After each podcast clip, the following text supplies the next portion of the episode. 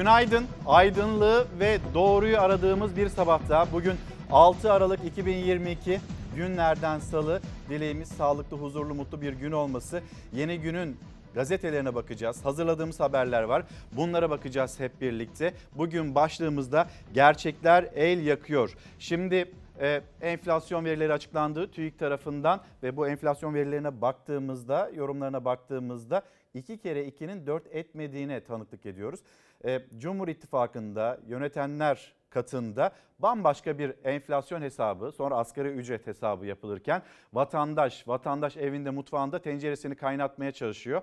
Biz bir yandan Ekim ayından Kasım ayına enflasyon verilerinin ne olduğuna bakacağız ama en çok da gıda enflasyonuna bakacağız bu durumda. Sonra indirim de var.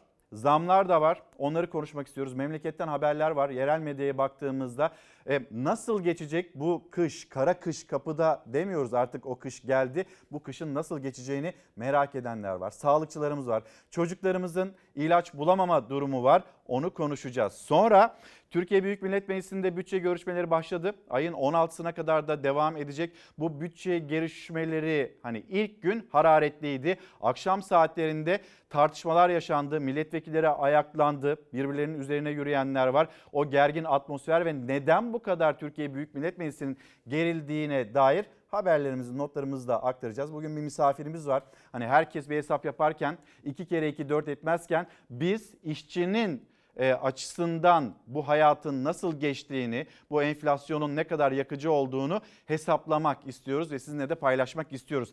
Gerçekler el yakıyor. Bugün başlığımız bir kez daha hatırlatalım. Evrensel Gazetesi'nin manşetinden bulduğumuz bir başlıktır. Bu başlık altında siz bize hayatın gerçeklerini siyasetin dışında siz bize hayatın gerçeklerini anlatırsanız çok seviniriz. Şöyle bir bakalım mı gazetelerin ilk sayfalarına?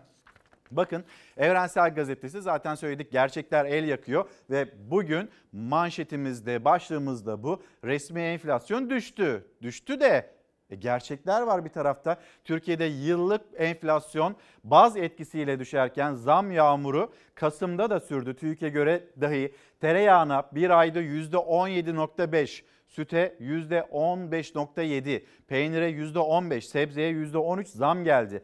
Tüketici enflasyonunu katlayan üretici enflasyonu zamların süreceğinin de habercisi. E şimdi enflasyon verilerine bakılacak. Memurun da emeklinin de maaş zammı bu Kasım enflasyonuna bakılarak yapılacak. Bununla ilgili bir değerlendirme var. Mesela Cumhuriyet Halk Partisi Genel Başkan Yardımcısı Veli Ağbaba memurun ve emeklinin ne kadar maaş zammı alacağı ile ilgili bir hesaplama yaptı. Onu da konuşalım. Hatta birlikte tartışalım. Yeter mi, yetmez mi? Lütfen siz bize söyleyin. Gerçekler el yakıyor ama hani enflasyonun zirveyi gördüğünü ve artık bu zirveden geriye döndüğünü, enflasyonun ya da fiyatların artış hızının yavaş yavaş da düşeceğini söyleyen gazeteler onlar da var. Mesela Akşam Gazetesi bir taraftan da suçlu aranıyor. Neden oldu bu? Biz bunu neden yaşadık? Faiz sebep enflasyon sonuç değil miydi? E değilmiş marketler yapıyormuş. Gıdada fahiş fiyat kanıtlandı. Kasım'da enflasyon %2.88 çıktı. Yıllık enflasyon %84.39'a geriledi. Kaçtan geriledi peki? Hani onu bakıyorsunuz, okumaya çalışıyorsunuz. Mesela burada göremiyorsunuz. Verilere daha dikkatli bakmaya çalıştığınızda hani şurada %85.51 ile 24 yılın zirvesini görmüştü. Ama burada böyle büyük puntolarla yazılmamış 85.51'den 84.39'a geriledi. Biz burada tam bir gerilemeden söz edebiliyor muyuz? Yani kendi hayatımızda biz bunu hissedebiliyor muyuz? Ya da neden hissetmiyor muyuz? Hissetmiyoruz. Onu konuşalım. Akşam gazetesinde yine seçtiğimiz başka bilgiler var, haberler var. Onları da konuşacağız. Yeni Çağ gazetesi diyor ki düştü de e biz hissetmedik. Peki bundan vatandaşın haberi var mı yani? Enflasyonun düştüğünden fiyatlar geri geldi mi? Onu soruyor Yeni Çağ Gazetesi. Bir Gün Gazetesi bazda yalancı bir bağrı yaşıyoruz. Kasım'da enflasyon %2.88, %2.88 artmasına rağmen kağıt üzerinde yıllık bazda geriledi. Fiyatlarda düşüş yaşanmasa da iktidar enflasyonu düşürdük propagandası peşinde. Yaparlar mı? Böyle değerlendirilir mi? Ya da öyle söylense de vatandaş ne yaşadığını acaba unutur mu? ne yaşadığını bilmez mi? Cebindeki parayı sayamaz mı zannediyor acaba yönetenler vatandaş için? Hepsini konuşacağız. Yalnız yeni günde ilk haberimiz kahramanımız. Yeni günde ilk haberimiz şehidimiz. Hainlerin tuzakladığı el yapımı patlayıcı infilak etti. Adana'ya şehit ateşi düştü. Pençekilit Harekatı bölgesinden geldi şehit haberi. Piyade komando binbaşı Mehmet Duman şehit oldu. 41 yaşındaydı şehit binbaşı Duman. Bir çocuk babasıydı. Bölücü terör örgütü mensupları tarafından önceden yerleştirilmiş el yapımı patlayıcının infilak etmesi sonucu şehit düştü. Duman'ın şehadet haberi Ceyhan ilçesinde oturan Aysel Ali Duman çiftiyle Çukurova ilçesinde oturan eşi Beyhan Duman'a askeri yetkililer tarafından verildi. Şehidin evi ve baba ocağı Türk bayraklarıyla donatıldı. Şehidin cenazesi bugün Ceyhan ilçesi Sağkaya mahallesinde törenle defnedilecek. Türkiye Büyük Millet Meclisi'nde şaşıracağınız, e bizim yaşadığımız hayatta sizin yaşadığınız hayat neden bu kadar farklı diyeceğiniz konular da var elbette. Ama biz hani ekonomiyi konuşuyoruz, siyaseti konuşacağız ama Çalar Saat'te ilk haberimiz şehidimizdi. Allah'tan rahmet yakınlarına, ülkemize başsağlığı diliyoruz. Onlar da bu ülkenin e, güvenliği için, bizlerin güvenliği için, bizler rahat bir uyku uyuyabilelim diye çocuklarımız için, gençlerimiz için, herkes için işte bu mücadeleyi veriyorlar ve bu mücadele verilirken şehitlerimiz o can yakan haberlerde maalesef burada paylaşıyoruz. Paylaşmak zorunda kalıyoruz.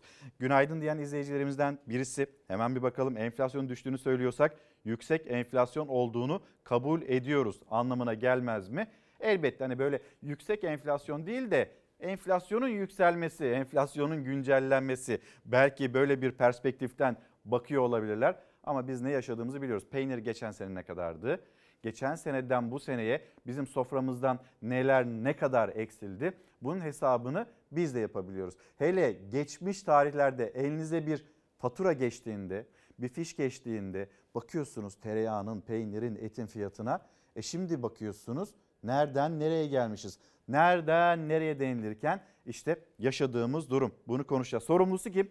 Sorumlusu faiz deniliyordu. Faiz sebep enflasyon deniliyordu.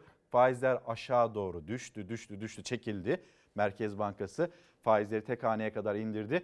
Ama biz enflasyonun daha da böyle katlanarak yükseldiğine tanıklık ettik. Ama ben bu işi bilirim, ben bu işin kitabını yazdım demişti Cumhurbaşkanı. Ya da siz bu kardeşinize yetkiyi verin, enflasyonla, faizle, dolarla nasıl mücadele edilir göreceksiniz demişti. E şimdi yaşadığımız o zaman nedir? Başlığımız gerçekler el yakıyor. Her şey el yakıyor. Dokunduğunuzda böyle ben bu fiyattan almayayım diye başka başka marketleri gezmek zorunda kalıyorsunuz. Sonra bir sorumlu bulundu. Marketler denildi. Tarladan bir enflasyon hesabı yapılmayınca bir suçlu, bir sorumlu aranıyor. Zaten önümüzdeki günlerde de o tartışma, o kavgalar da biter. Neticede marketlerde ya biz tarladan domatesi sıfır liraya alsak memlekette hani ya da büyük şehirlerde, kentlerde en az 7,5 liradan satmak zorundayız. Peki ne giriyor işin içine? Vergiler de giriyor, e, ambalaj maliyeti de giriyor, yakıt maliyeti de giriyor, yani nakliye maliyeti de giriyor. Sonra elektrik, su bu maliyetler girdiğinde 0 liralık ürünü 7,5 liraya satmak zorundayız diye onlar da bir açıklama içinde bunu söylediler. Kırgınlıklarını ifade ettiler.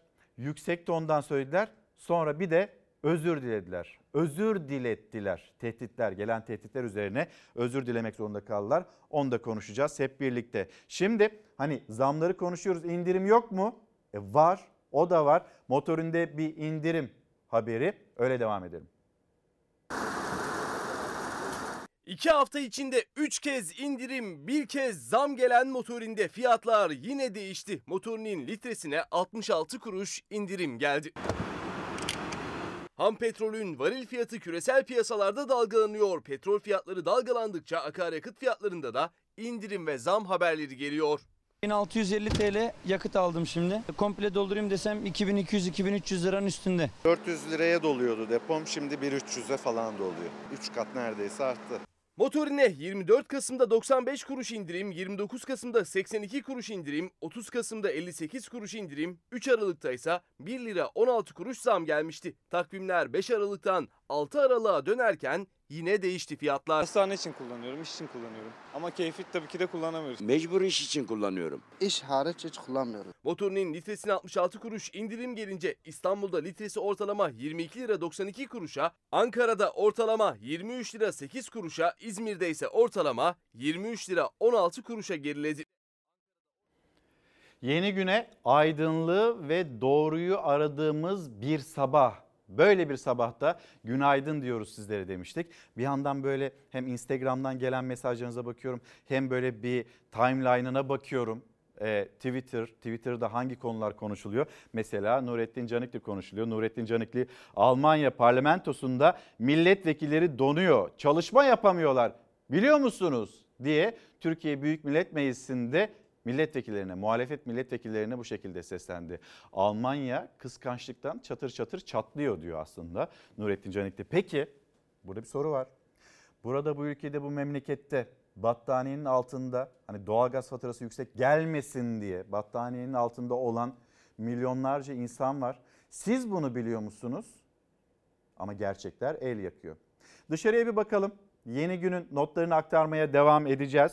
Ee, aydınlık, aydınlığı bekliyoruz. Güneşi bekliyoruz. İstanbul yeni güne saatler 7.26'yı gösterirken işte böyle başlıyor. Sizin memleketinizde durum nedir? Sokak lambaları ile ilgili çokça mesaj gönderiyorsunuz. Hava aydınlanıyor. Sokak lambaları niçin hala yanıyor? Bize tasarruf dediler ama e bu da vatandaşın cebinden çıkan paralarla, vergilerle ödenmiyor mu? Tasarrufu gerçekten yönetenler düzgün ve başarılı bir şekilde yapabiliyorlar mı diye mesajlarınızı da bizlere ulaştırıyorsunuz. Bu sabah da bizi yalnız bırakmayın. İlker Karagöz Fox Instagram adresim, Karagöz İlker Twitter adresim.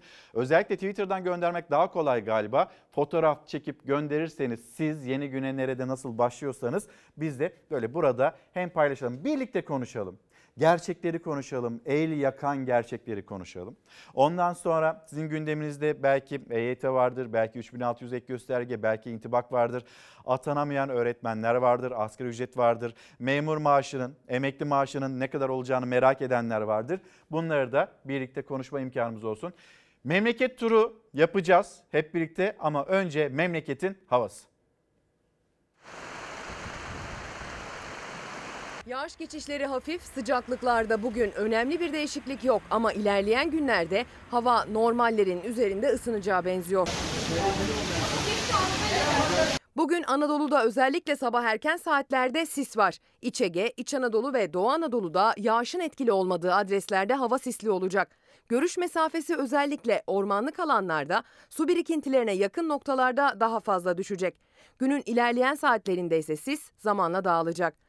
Yağışlı hava ise Marmara bölgesiyle yurdun en doğusunda görüleceğe benziyor. Marmara'da yağışlar öğle saatlerine kadar etkili. Trakya'da büyük ölçüde yağış yok. İstanbul, Kocaeli, Sakarya ve Çanakkale çevreleri öğle saatlerine kadar kapalı ve yer yer hafif yağmurlu. Sabah erken saatlerde Artvin'in iç kesimlerinde ve Kars çevrelerinde kar yağışı devam edecek. Ardahan ve Artvin'de sınırda kar yağışı sürebilir gün başlarken. Gün içinde ise doğudaki yağışlar hafifliyor. Akşam saatleri yaklaştıkça Akdeniz kıyılarında da hava kapatacak. Salı gece Antalya, Mersin ve Adana kıyıları yağışlı. Sıcaklıklarda bugün önemli bir değişiklik beklenmiyor ancak çarşambadan itibaren birer ikişer hava ısınacak. Isınma perşembe, cuma ve hafta sonunda da azar azar devam edecek. Bugünden bakıldığında hafta sonu ılık geçecek. Çarşamba günü de hava yurt genelinde bugüne göre daha açık. Güneş daha çok görüldüğü için hissedilen sıcaklıklar da artışa geçiyor çarşambadan itibaren. Yağışsa yurdun doğusunda. Kars, Ardahan, Van, Ağrı çevrelerinde kar yağışı bekleniyor. Yağışlar hafif ve yerel olacak. Akdeniz'de ise deniz üzerindeki yağış kıyı şeridinde yine aralıklı yağmura neden olacak. Çarşamba gece saatlerinde ise batıdan yeni bir yağışlı hava giriş yapıyor. Perşembe batı bölgeler yağışlı olacağı benziyor. Memleket havasını paylaştığımızda bizim aklımız Düzce'de. Düzce'de evleri ağır hasar alanlar. Onlar geceyi çadırda hani çadır kentlerde geçirmeye çalışıyor. Peki ne durumdalar? Bir bakalım. Yetkililer onların yaşadığı bir eksiklik varsa onu duysunlar. Depremzedelerin ağzından duysunlar. Bir de bu ülkenin deprem gerçeği var. hatırlatmış olalım. Hani kentsel dönüşüm ne yapılacaksa acaba 2030'lu yıllara bırakılmasa da bir an önce zaten geç kaldık bir an önce tamamlansa mı? Bu soruyla birlikte Düzce. Benim evimin içini kimse görmüyor, bakmıyor. Benim evimin içinde ağır hasar var. Ben korkuyorum eve girmeye. 10 gün geçti ama korkuları taptaze. Evleri hasarlı, üstelik artçı sarsıntılar sürüyor. Çadır kente yaşayan Gönül Bayraktar evinde ağır hasar olmasına rağmen hafif hasarlı raporu verilmesine bu sözlerle isyan etti. Evim ağır hasarlı ama gelen e, dışarıdan bakıyor. E, benden ikinci kattan yukarı e, hafif hasar varmış. Ama benim evimin içini kimse görmüyor, bakmıyor. Benim evimin içinde ağır hasar var. Ben korkuyorum eve girmeye. Zaten zor çıktık oradan. Çadırda yaşam kolay değil ama mecburlar Gönül Bayraktar gibi başkaları da isyan etmişti. Evlerinde çatlak olduğu halde hafif hasarlı raporu alanlar evlerine giremiyor. Devletin verdiği bir bardak çay bile içmedim. Kolay değil yani bir evden çıkıp da böyle çadır hayatı yaşamak e, çok kolay bir şey değil.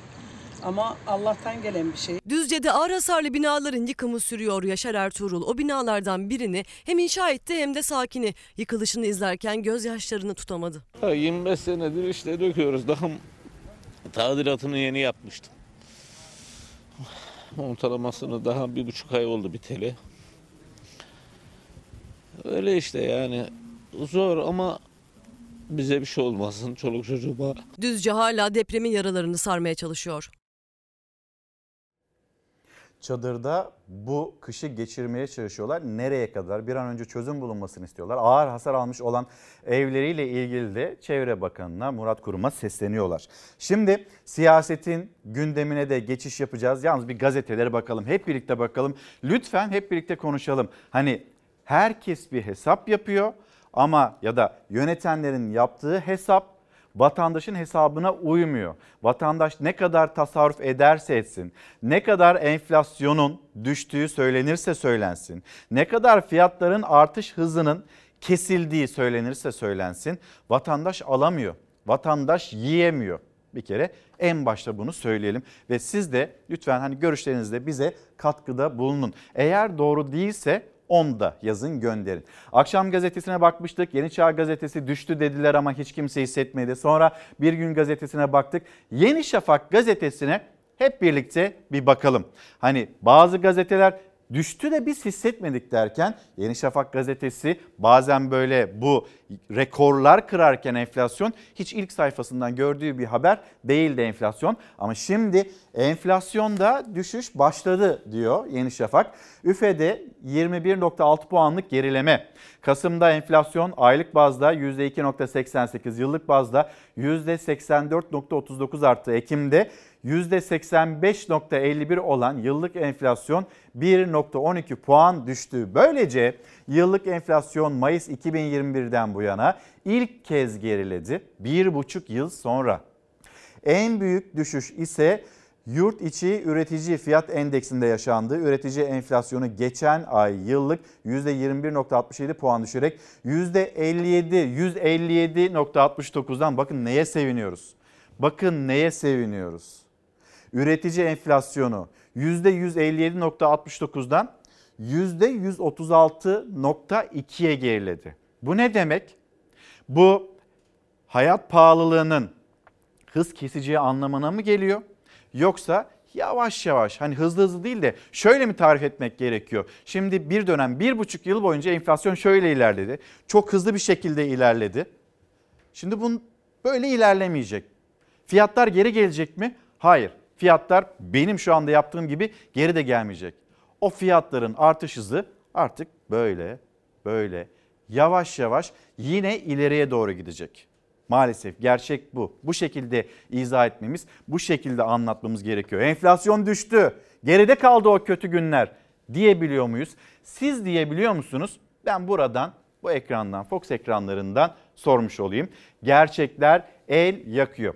Gelelim siyaset ve siyasetin gündemi. Altılı Masa, Altılı Masa'da neler oluyor, neler yaşanıyor? Bir de MHP lideri Devlet Bahçeli, Altılı Masa'nın adayı merak ediliyor ya. MHP lideri Devlet Bahçeli anketler hani onlar bunlar bana sorulsa mesela ben aday olarak Millet İttifakı'nda sınıf arkadaşımı görmek isterim dedi. Peki MHP lideri Devlet Bahçeli'nin sınıf arkadaşı kim? MHP lideri Devlet Bahçeli'nin sınıf arkadaşı Kemal Kılıçdaroğlu. Bu açıklamaya Kılıçdaroğlu'ndan da açıklama geldi.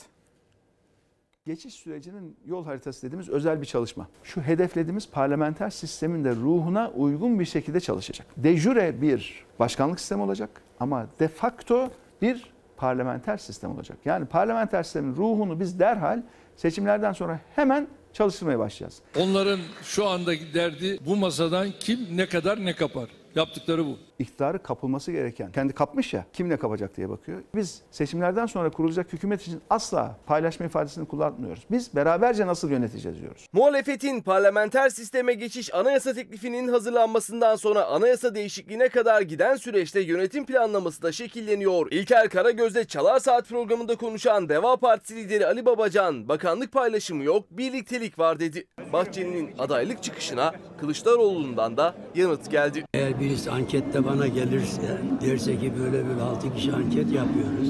Siz bu ankette kime evet dersiniz veya da benimsersiniz dersiniz. Tercihim sınıf arkadaşım. Kemal Bey'di değil mi? Sınıf arkadaşım.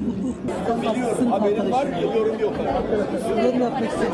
Bizim Cumhurbaşkanı adayımız Erdoğan gibi istediğimi yaparım demeyecek. Madem ortak aday kendisini destekleyen partilerle sürekli bir iletişim halinde, istişare içinde o yetkisini kullanacak. Kilit kelimeler katılımcılık, istişare, müzakere ve mutabakat. Cumhurbaşkanını halk seçecek ama halkın seçmediği birileri bir odada toplanarak diyecekler ki ben seni şu konuda şöyle hareket etmeni istiyorum. Mutabakat çok önemli konularda aranır. Yani her konuda mutabakat, her konuda mutabakat yani gerek yok. Artvin'in Arhavi ilçesindeki il sağlık müdürünün atanması. Şimdi bu hani partiler toplansın, ortak karar alsın ki gerek yok. Yani bakarsın Sağlık Bakanı bir isim önerir, Cumhurbaşkanı onaylar yapar mesela. Daha önce Saadet Partisi lideri eşgüdüm kurulu ifadesini kullanmıştı ortak yönetim modeli için. Ali Babacan ülkenin genelini ilgilendiren konularda ortak mutabakatla hareket edilecek dedi. Bir yanda muhalefetin ortak hükümet programı ve yol haritası konuşuluyor, diğer yanda adaylık. Biz bir isim listesi oluşturacağız. Uygun gördüğümüz isimleri başlayacağız liderlerle istişareye. En sonunda o altılı masadan bir beyaz duman tütecek. Beyaz duman tüttüğünde de diyeceğiz ki hayırlı olsun adayımız budur. Eğer birisi ankette bana gelirse derse ki böyle böyle altı kişi anket yapıyoruz.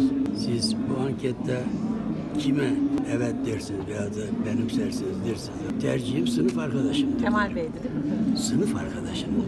Bugüne kadar muhalefeti Cumhurbaşkanı adayını açıklamamakla eleştiren Bahçeli de isim vermedi ama sınıf arkadaşım diyerek Kılıçdaroğlu'nun adaylığını istediğini söyledi. Bahçeli'nin o sözleri CHP liderine soruldu. Kılıçdaroğlu yorum yapmaktan kaçındı. Biliyorum, haberim var mı? Yorum yok. Yorum yapmak. MHP lideri Bahçeli sınıf arkadaşım dedi. Yani Kılıçdaroğlu'nu söylüyorsun. Sınıf arkadaşım dedi. Şimdi sınıf arkadaşlarına dikkatler çevrildi. Yanılmıyorsam Erman Toroğlu da Devlet Bahçeli'nin sınıf arkadaşıydı. Hani onu kastetmiyor elbette. Görmek istedikleri, aday olarak görmek istedikleri kişi de CHP lideri Kemal Kılıçdaroğlu. Bu soru altılı masa ya da liderlerine yöneltildiğinde onların vermiş olduğu yanıtta masa karar verecek. Bir değerlendirme yapılacak. Önemli olan aday değil, önemli olan ilkeler. Biz eğitimde, dış politikada, sağlıkta ya da diğer konularda, ekonomide önce bir ortaklaşalım. Önce bir hükümet programımızı çıkartalım. Mesela bugünden açıklansa aday ne söyleyecek? Meydanlara çıktığında ya da işte bizler burada ağırlamak isteyeceğiz. Sorularımız olacak kendisine yöneltmek isteyeceğiz. Sorduğumuzda ne düşünüyorsunuz? Masadan ayrı bir düşünce olmasın istiyor liderler. Çünkü hem eğer seçimi kazanırlarsa, görevi devralırlarsa bakanlar da altılı masanın bakanı olacak. Cumhurbaşkanı da altılı masanın belirlemiş olduğu ilkeler doğrultusunda hareket edecek. Hani Ocak ayı ortasında öğreniriz, Şubat ayı. Bence Şubat ayını kesinlikle göreceğiz. Yani Şubat ayına kadar altılı masanın biz adayını öğrenebilme imkanına kavuşmayacağız. Çünkü anca hükümet programımızı yetiştiririz diyor. Sayın Ali Babacan dün burada Çalar Saat'te yaptığı açıklamalarda bu yöndeydi. Şimdi Türkiye Büyük Millet Meclisi'ne gidelim. Türkiye Büyük Millet Meclisi'nde milletvekilleri hani onlar sözlü sataşmalar, atışmalar kavgaya kadar yaklaştı ve o kavga Türkiye Büyük Millet Meclisi'ne millet, memleket, mecliste bizim bütçemiz Bizim geçimimiz hani ne olacak bunun beklentisi içinde ama işte mecliste yaşananlar. Değerli kardeşim, kardeşlerim. Arkadaşlar lütfen, lütfen. Değerli arkadaşlar. arkadaşlar.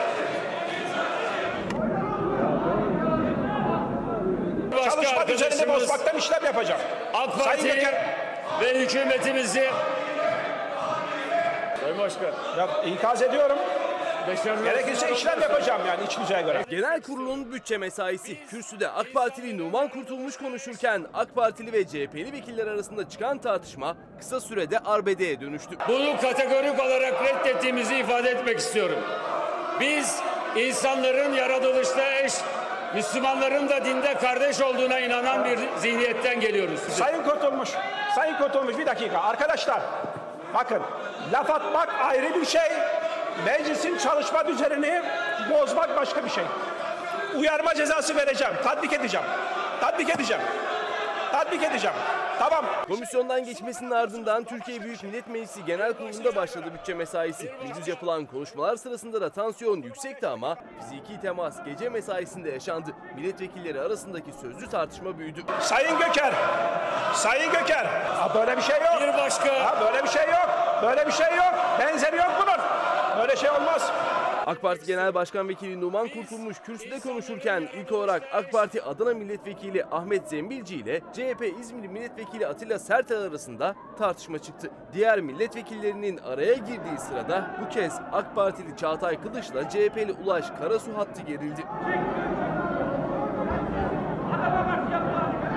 Değerli arkadaşlar, e, meclisin çalışma düzenini bozmayacak, sükunetini bozmayacak şekilde hareket etmek gerekiyor. Şüphesiz zaman zaman tansiyon yükseliyor, laf atmalar olabiliyor ama bunların belli bir dozacı aşmaması lazım.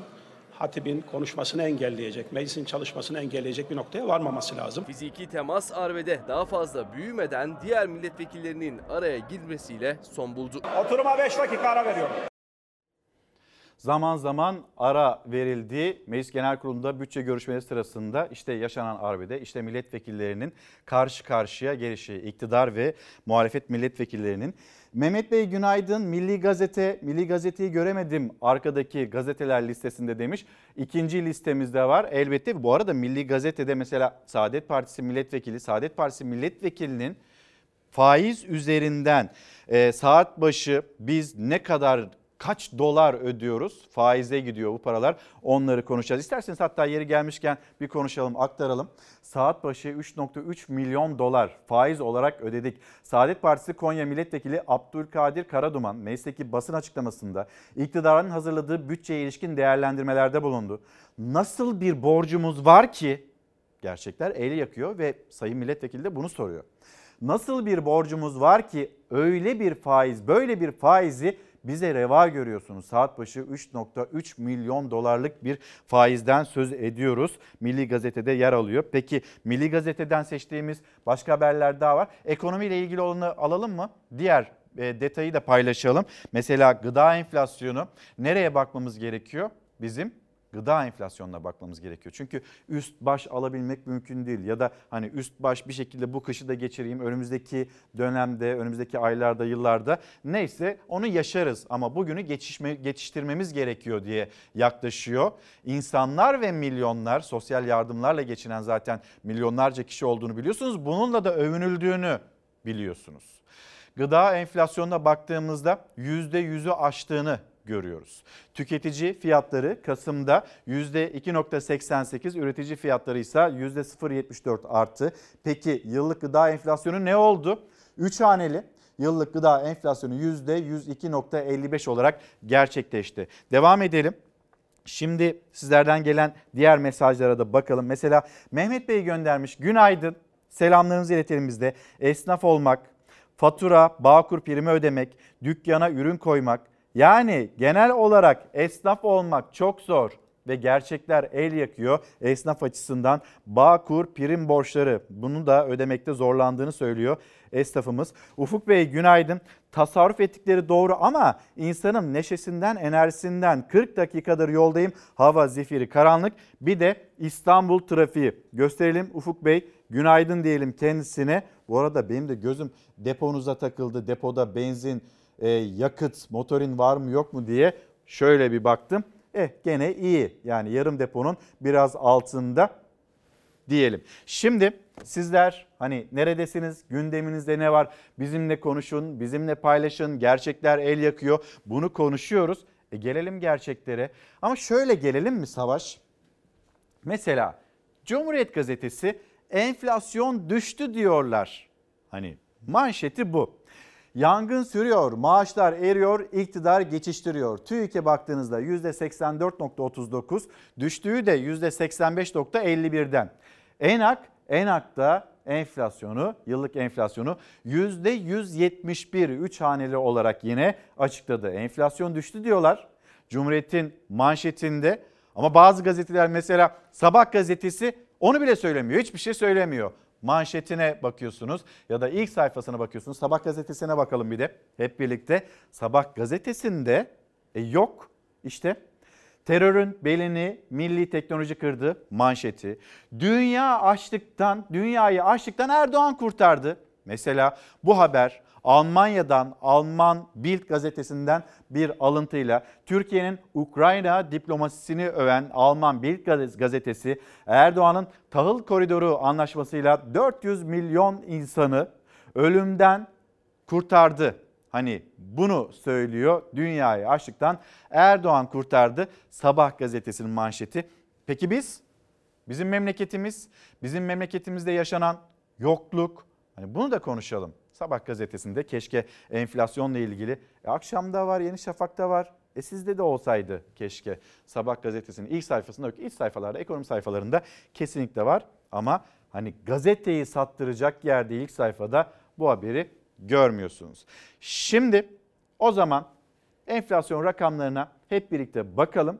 Sonra gerçekler el yakıyor. Lütfen siz bize gerçekleri anlatın. Siz bize ne yaşadığınızı anlatın. TÜİK için, ENAK için ve İTO için işte Kasım ayı enflasyonları. Aylık olarak İTO %3.10 olarak hesapladı. ENAK %4.24 olarak açıkladı. TÜİK ise %2.88 olarak. Yıllığa baktığımızda işte buyurun yıllık enflasyonlar İTO 3 haneli %105.55, ENAK %170.70, TÜİK %84.39. Şimdi hadi hep birlikte TÜİK'in açıkladığı enflasyon ve vatandaşın sokaktaki sözleri, vatandaştaki karşılığı. Fiyatlar düşmüyor. Yani üstüne koyuyor tam tersi. Ama Kasım'da fiyatlar düşmüş TÜİK'e göre. Kendi çıkarlarına göre hesaplıyorlar. Başka bir şey değil. 18 ay sonra ilk kez düşüşe geçti enflasyon TÜİK'e göre. Ekim ayındaki %85,5'luk enflasyon zirve olarak kaldı. Kasım ayında bu oran 1 puan düştü, %84,39'a indi.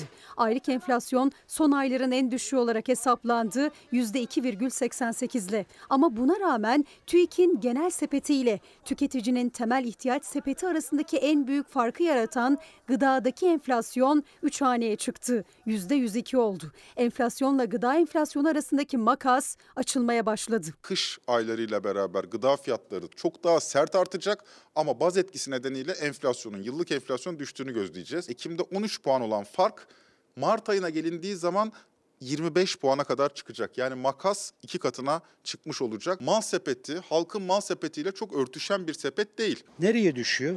Beyaz peynir ya 200 lira. TÜİK'i falan hiç kimsenin dinlediğini de zannetmiyorum. Merkez cebine bakıyor.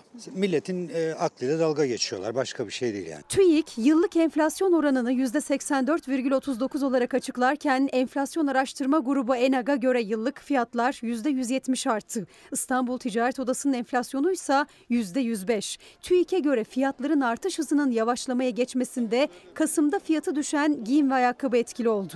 Gıda yine aylık en çok artan kalem. Önceden seneden seneye zamlar olurdu. Şimdi günlük zamlar oluyor. Cuma günü alıyorum. Pazara kadar bitiyor. Asgari ücretle çalışan eşine maddi destek olması şart. Çünkü okul ve gıda masraflarına iki asgari ücret de yetmiyor. 39 yaşındaki anne bu sebeple iki çocuğu okuldayken 4 yaşındaki oğlunu ne kreşe bırakabiliyor ne de bakıcı tutabiliyor. İşe oğluyla birlikte gitmek zorunda. Akşama kadar yani çalışacağım. Küçük bey sizle mi akşama kadar? Evet. Bazen sıkılıyor, ağlıyor. Onu oyalayacak bir şeyler buluyorum. Yani telefon veriyorum öyle yani eline. Çünkü hayat şartları çok zor. Yeni yılın maaş zamları bu yılın son 6 ayının enflasyonuna göre belirlenecek. 5 aylık enflasyon şu an için %14. Yani TÜİK'in hesabı mutfaktaki ateşi söndürmeye yetmeyecek gibi. %15 zam verdikten sonra ben size enflasyonu ezdirmedim diyebilecek. Fakat bu enflasyon dediğim gibi TÜİK'in enflasyonu ve bir kişiye dayak atıyorsunuz sonra su veriyorsunuz. Sonra dayağa devam ediyorsunuz. Ben emekliyim 4 milyar 600 lira para alıyorum. Nasıl geçineceğim? İşte size de enflasyona göre zam verecekler ya. Konu zaten oraya getirmek. Yani biraz düşük verebilmek amacıyla böyle bir oyun. Ama millet artık yemiyor. Vallahi yemiyor. Millet artık yemiyor. Vallahi yemiyor. Hani sokaktaki karşılığı bu. Ve dün de ana haber bülteninde tam da bu cümleyi alıntılayarak Selçuk Tepeli de hani yiyemiyorlar dedi. Hem bu söylenenleri yemiyor vatandaş hem de çarşıya pazara gittiğinde o alışverişi yapamıyor. Almanya'dan örnek veriliyor. Almanya'nın nasıl ısındığından ya da ısınamadığından örnek veriliyor. Onu konuşacağız. Nurettin Canikli, AK Partili Nurettin Canikli neler söyledi? Leyla Hanım günaydın. Leyla Tatar. Gerçekler el yakıyor başlığımız ve can da yakıyor maalesef bu gerçekler demiş kendisi. O zaman bir gerçeklere odaklandığımızda yerel gazete İzmir'e gidelim. Telgraf gazetesi torba kömürle bu kış geçer mi? Ekonomik zorluk yaşayan vatandaş ısınmak için çareyi sobada buldu. Kömürcüler Odası Başkanı Düzyol insanlar önce doğalgazdan kıstı şimdi kömürden dedi. Şöyle yapalım ben bu haberi sizlere satır satır okumak istiyorum. Çünkü belli ki farkında değiller, belli ki görmüyorlar vatandaş bu kışı ne kadar büyük bir kaygıyla bekliyor. Bunu ya umursamıyorlar ya görmüyorlar ya da görmezden geliyorlar. Almanya için dertlendikleri kadar memleketi düşünüyorlar mı? Bizim aklımızı kurcalayan bir soru bu. Nurettin Canikli'yi dinleyelim sonra bu haberi okuyalım. Enerji fiyatındaki artışlar Türkiye enflasyonunu 30 puan birden artıracaktı en az. Ayrıca burada Türkiye'nin bugün dünyanın bütün ülkelerinden daha düşük fiyatla enerjiye ulaştığını söylemeye gerek yok. Bu da Cumhurbaşkanımızın uluslararası alanda inanılmaz bir diplomatik maharetinin sonucu olarak ekonomiye yansımasıdır. Bunu hepimiz biliyoruz. Herkes biliyor. Dünya biliyor. Türkiye de biliyor. Ayrıca yüksek fiyatla bunu bulamayan ülkeler bile var. Bugün Almanya parlamentosunda insanlar donuyor. Milletvekilleri donuyor. Çalışma yapamıyorlar. Dünya biliyor, Türkiye biliyor, herkes biliyor. Farkında değilsiniz siz diyor Nurettin Canikli. Sizin Almanya'dan haberiniz var mı? Almanya parlamentosunda nasıl böyle onlar da battaniye altında çalışmalarını yapacaklar herhalde. Nurettin Canikli'nin e, sözleri de buna dair. Peki mesela Yeliz Acar Sünay. Bakın göstereyim sizlere. Günaydın da diyelim. İşte doğalgazı yakmamak için direniyoruz. Umarım kar geç gelir. Paylaştığı mesaj bu şekilde. Aysel Hanım, gerçekler el yakıyor. Düştüğü söylenen enflasyonu ne zaman fark edeceğiz? Ankara'dan günaydın diyor bizlere. Bu arada 23 kişi de bizimle birlikte Türkiye'nin gündemini takibe almış. Hani siyasetçinin cümleleriyle Almanya'nın gündemini de takibe almış olduk. Almanya'dan şu anda bizi izleyen hani saat farkı nedeniyle belki sizin için erken olabilir ama bizi izleyen izleyicilerimiz bir yazabilirler mi? Hani orada ne yaşanıyor? Marketlerdeki, raflardaki doluluk oranları buna dair de bize bilgi gönderebilirseniz çok seviniriz. Almanya'ya da memleketin ve dünyanın çeşitli yerlerinden bizleri izleyen izleyicilerimize de günaydın diyelim. Gelelim mi şimdi? Hani Almanya parlamentosu yaşadığı sıkıntı. Sayın Nurettin Canikli onu anlatıyor. Bakın bizim memleketimizde yaşanılan sıkıntı. Havaların gün geçtikçe soğumasıyla doğal gazlı evlerde dereceler yükseldi. Sobalı evlerde ise ateşler yanmaya başladı. İzmir Odun ve Kömür Satıcıları Esnaf Odası Başkanı Mustafa Düzyol son dönemde artan zamlarla birlikte bu yıl kışı geçirmek için kömür sobası kuranların sayısının bir hayli çoğaldığını söyledi. Düzyol şu anda devlet kömür vermiyor. İzmir'de kömür var ancak onların da kalitesinden bir hayli endişeliyiz dedi. Sonra Kömür fiyatları artsa da rakamın doğalgaz ve elektrik giderlerinden daha aşağıda kaldığını dikkat çeken Başkan Düzyol. Yeni yapılan evlerde soba sistemi yok. Birçok evde duvarlardan, camlardan soba borularının çıkarıldığını duyuyoruz. Bunun yanı sıra artık insanlar bütün kışa yetecek kadar kömür ve odun da almayı bıraktı. Hiç kimse tonla kömür almıyor. İnsanlar iki torbayla gelip kömür alıyor, günübirlik yaşıyor ifadelerini kullandı. Bakın Almanya parlamentosunda neler neler yaşanırken İzmir'de işte bir STK başkanı, Kömürcüler Odası başkanı anlatıyor bizim memleketimizde vatandaşın ne durumda olduğunu. Şimdi yine memleketten haberlerle devam edeceğiz. Sizleri Kırıkkale'ye götüreceğiz. Kırıkkale'de yaşanan ve bir cana mal olan kaza.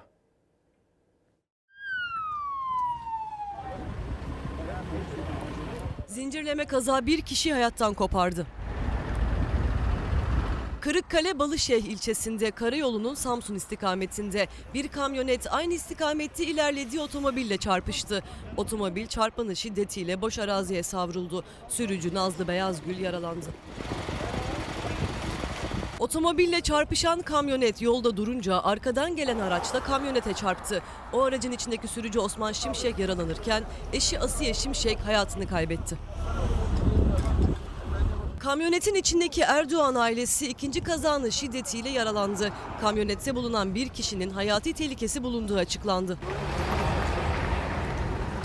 İhbar üzerine olay yerine ambulans, polis ve itfaiye ekipleri sevk edildi. Polisler yolda geçici olarak trafiği durdurdu. Yaralılar ilk müdahalenin ardından hastaneye kaldırıldı.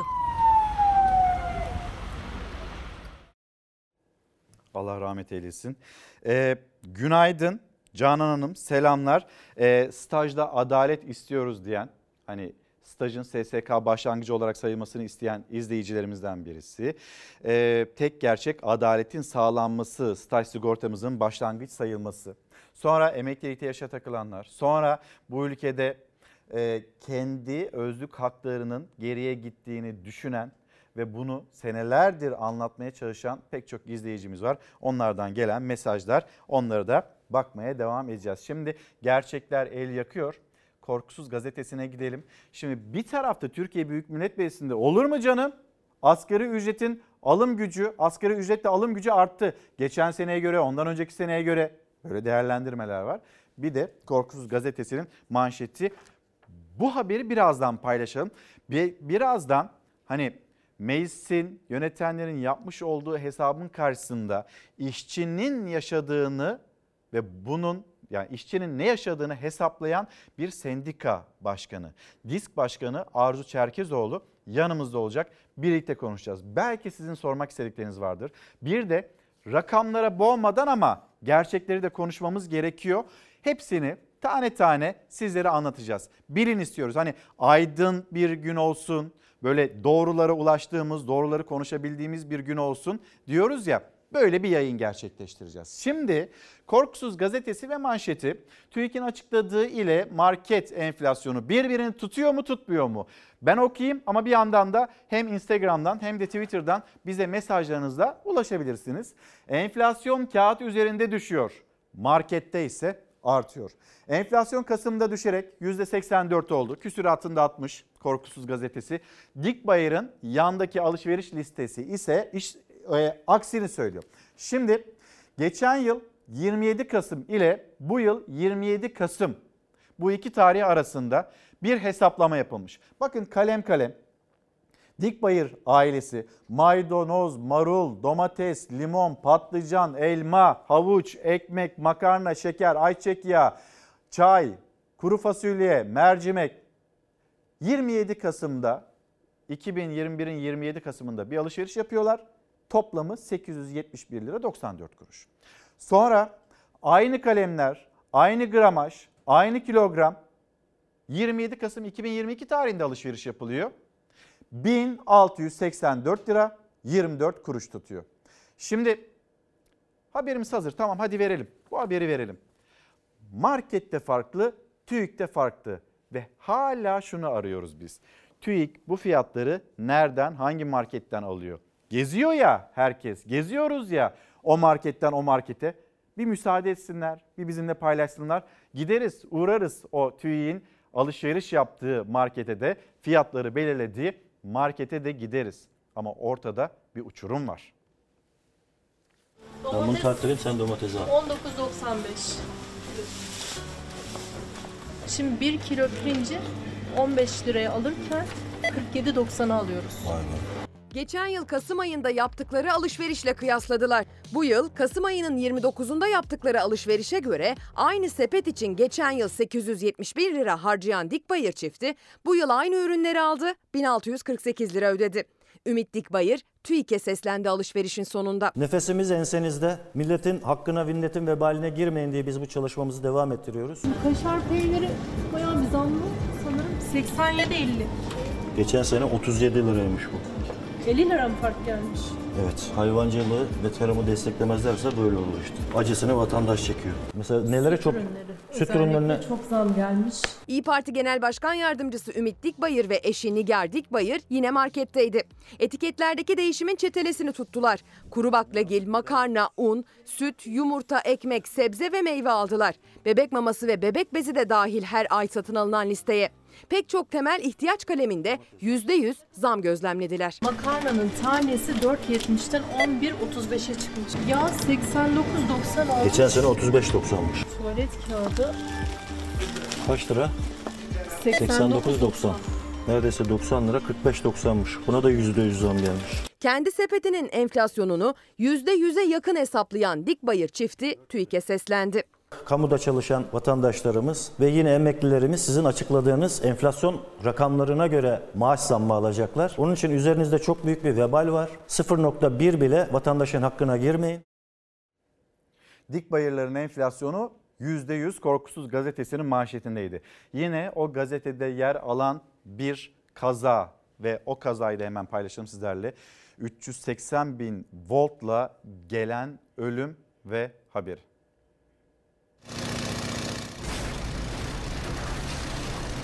Pilot ve yolcusunun ölümüyle sonuçlanan o acı kazada uçağın düşmeden önce 380 bin voltluk elektrik taşıyan yüksek gerilim direğine çarpıp alev aldığı ortaya çıktı. Geçen hafta Bursa'nın Yunuseli ilçesinden havalanan tek motorlu uçak Sakarya'nın Pamukova ilçesine iniş yaptıktan sonra tekrar havalanıp dönüşe geçti. Ancak Yunuseli Havalimanı'na varamadan Osman Gazi ilçesinde doğalgaz kombina çevrim santrali yakınlarında boş ormanlık araziye düştü. Kazada 54 yaşındaki Hakan Köksal'la 22 yaşındaki Burcu Sağlam hayatlarını kaybetti. Köksal ve Sağlam'dan geriye kazadan dakikalar önce kokpitten çektikleri bu görüntüler ve fotoğraflar kaldı. Hakan Köksal'ın Pamukova'ya hobi amaçlı kullandığı özel uçağına 4 kişilik yolcu lisansı almaya gittiği öğrenildi. Kötüleşen hava şartları nedeniyle düştüğü tahmin edilen uçağa ait yeni görüntüler ortaya çıktı. Doğalgaz çevrim santralinin güvenlik kamerasına yansıyan görüntülerde uçak hızla irtifa kaybederek santrale yaklaşıyor ve ardından 380 bin voltluk elektrik taşıyan yüksek gerilim direğine çarptıktan sonra havada alev alıyor. Cumhuriyet Başsavcılığı kazayla ilgili bu görüntüleri de incelemeye aldı. Köksal'la Sağlam'ın kesin ölüm sebebi otopside belli olacak. Akşam gazetesine geri dönelim. Akşam gazetesinde hani marketler ve fırsatçılıkla suçlanıyorlardı. Bir de poşet üzerinden bir poşet fırsatçısı eksikti diye Akşam gazetesinde yer alan bir haber. Perakendeciler Federasyonu 3 yıl önce bedava olan poşetlere %200 zam istedi. Perakendeciler Federasyonu Başkanı Ömer Düzgün poşet üretim maliyetlerinin 1 liraya yükseldiğini savundu. Market poşetlerinin fiyatlarının 25 kuruştan 75 kuruşa çıkarılmasını istedi. Vatandaş tepki gösterdi. Sonra bir başka haber daha o da bir kaza haberi tramvay kazası. Tramvay İETT'yi biçti. Ee, İstanbul'da Ali Beyköy'de yaşanan bir kaza ve hemen görüntüleri.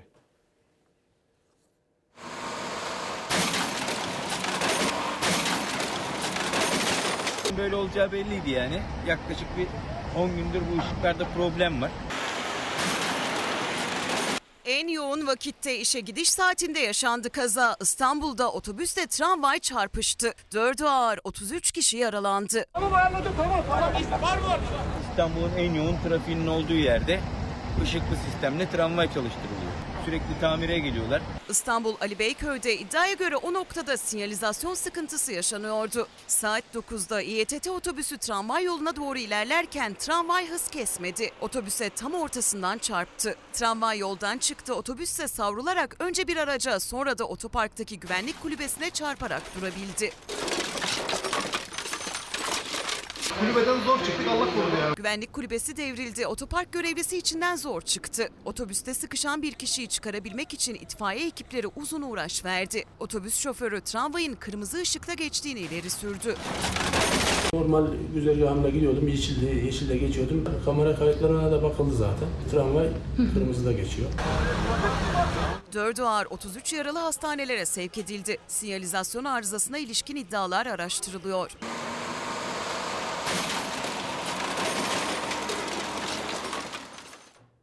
Şimdi yine İstanbul'dayız, Pendik'teyiz. Pendik'ten bir yangının görüntüsü. Altın haldeki villada yangın çıktı. Alevler bitişiğindeki metruk villaya da sıçradı. Yangın büyüdü. Mahalle sakinlerinin endişesi itfaiye ekiplerinin başarılı çalışmasıyla son buldu. Gece yarısı başlayan yangın geceyi gündüze çevirdi. İstanbul Pendik'te Güzelyalı Mahallesi sakinleri dumanların yükseldiğini görünce ekiplere haber verdi. İkisi de metruk haldeki villaydı tamamen yandılar. Kuvvetli rüzgarlı alevler hızla diğer villayı da sardı. Ekiplerin söndürme çalışmaları sırasında çökmeler meydana geldi.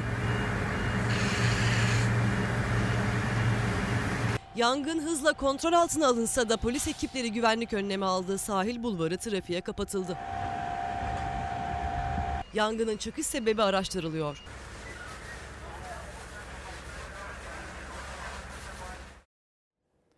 Yerel gazetelerle ilerleyelim ve yerel gazetelerden sonra maalesef 18 yıl sonra gelen yine gelen bir acı.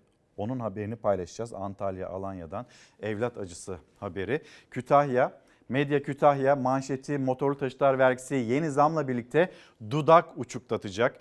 Yılda iki taksitle tahsil edilen motorlu taşıtlar vergisinin yeni yıl zammı ile birlikte rekor düzeye çıkması bekleniyor. Cumhurbaşkanı motorlu taşıtlar vergisinde indirim yetkisini kullanmaz ise ödemeler %123 olarak zamlanacak. E şimdi e düşmedi mi? Enflasyon, fiyatlar, fiyatlar düşecek mi? Ne olacak? Açıklanan enflasyon %84 seviyesinde küsuratını hadi biz de atalım. Korkusuz gazetesi gibi. Devletin enflasyonu nereye koyacağız? %123'lük ve harçlara, vergilere gelecek olan zamlar dudak uçuklatacak. Ardahan gazetesi, ormanlar yetmedi. Anadolu gazetesi, Kuzeydoğu Anadolu gazetesi, ormanlar yetmedi. Evlerini de satıyorlar. Özelleştirme adı altında satılan onlarca fabrika yetmedi. Gençleştirme ve yenileme adı altında her yıl adeta katlederek kesilen yeşil çamların süslediği ormanlardan sonra Şimdi de ormancıların evleri satılığa çıkartıldı. Peki ne kadara satılıyormuş? Bir bakalım. Ardahan Hanak e, köyü orman işletme arsası ve üzerindeki lojmanlar 480 bin liraya satılmışlar. Önce bir ihale yapılmış 160 bin liraya satılmış. Muhtar Olur mu canım bu kadar paraya 160 bin liraya bu satılır mı demiş. Ne kadarlık bir arazi toplamda 2780 metrekare alana sahip. İçinde de bir konutun ve buna benzer yapıların olduğu arazi. İhaleye çıkmış 160 bin liraya satmışlar. Sonra itirazdan sonra iptal ediliyor ihale ve 480 bin liraya satılıyor. Peki itiraz olmasa kimlere gitmişti? 160 bin liraya satılmışmış. Gaziantep Doğuş gazetesi ilaç krizi halk sağlığı sorununa, sorununa dönüşüyor. Birazdan bu konuya geleceğiz. Çok önemli.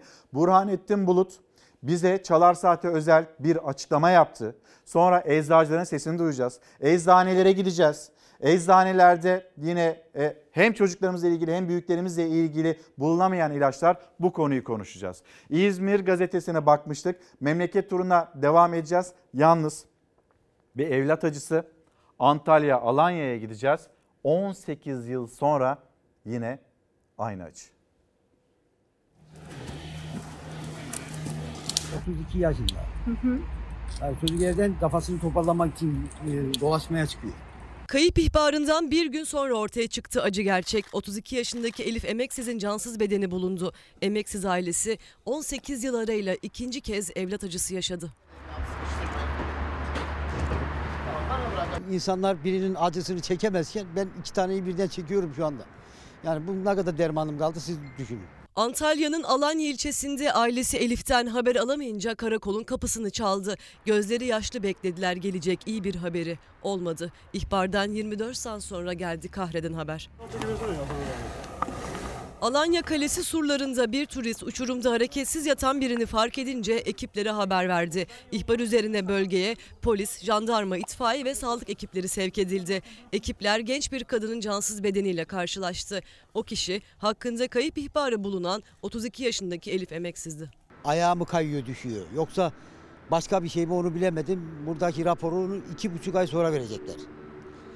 Sadece dün 11'de can verdiğini biliyoruz. Elif Emeksiz'in ölüm sebebi adli tıp raporu çıkınca belli olacak. Kızlarının vefatıyla sarsılan Emeksiz ailesinin 18 yıl önce evlat acısı yaşadığı ortaya çıktı.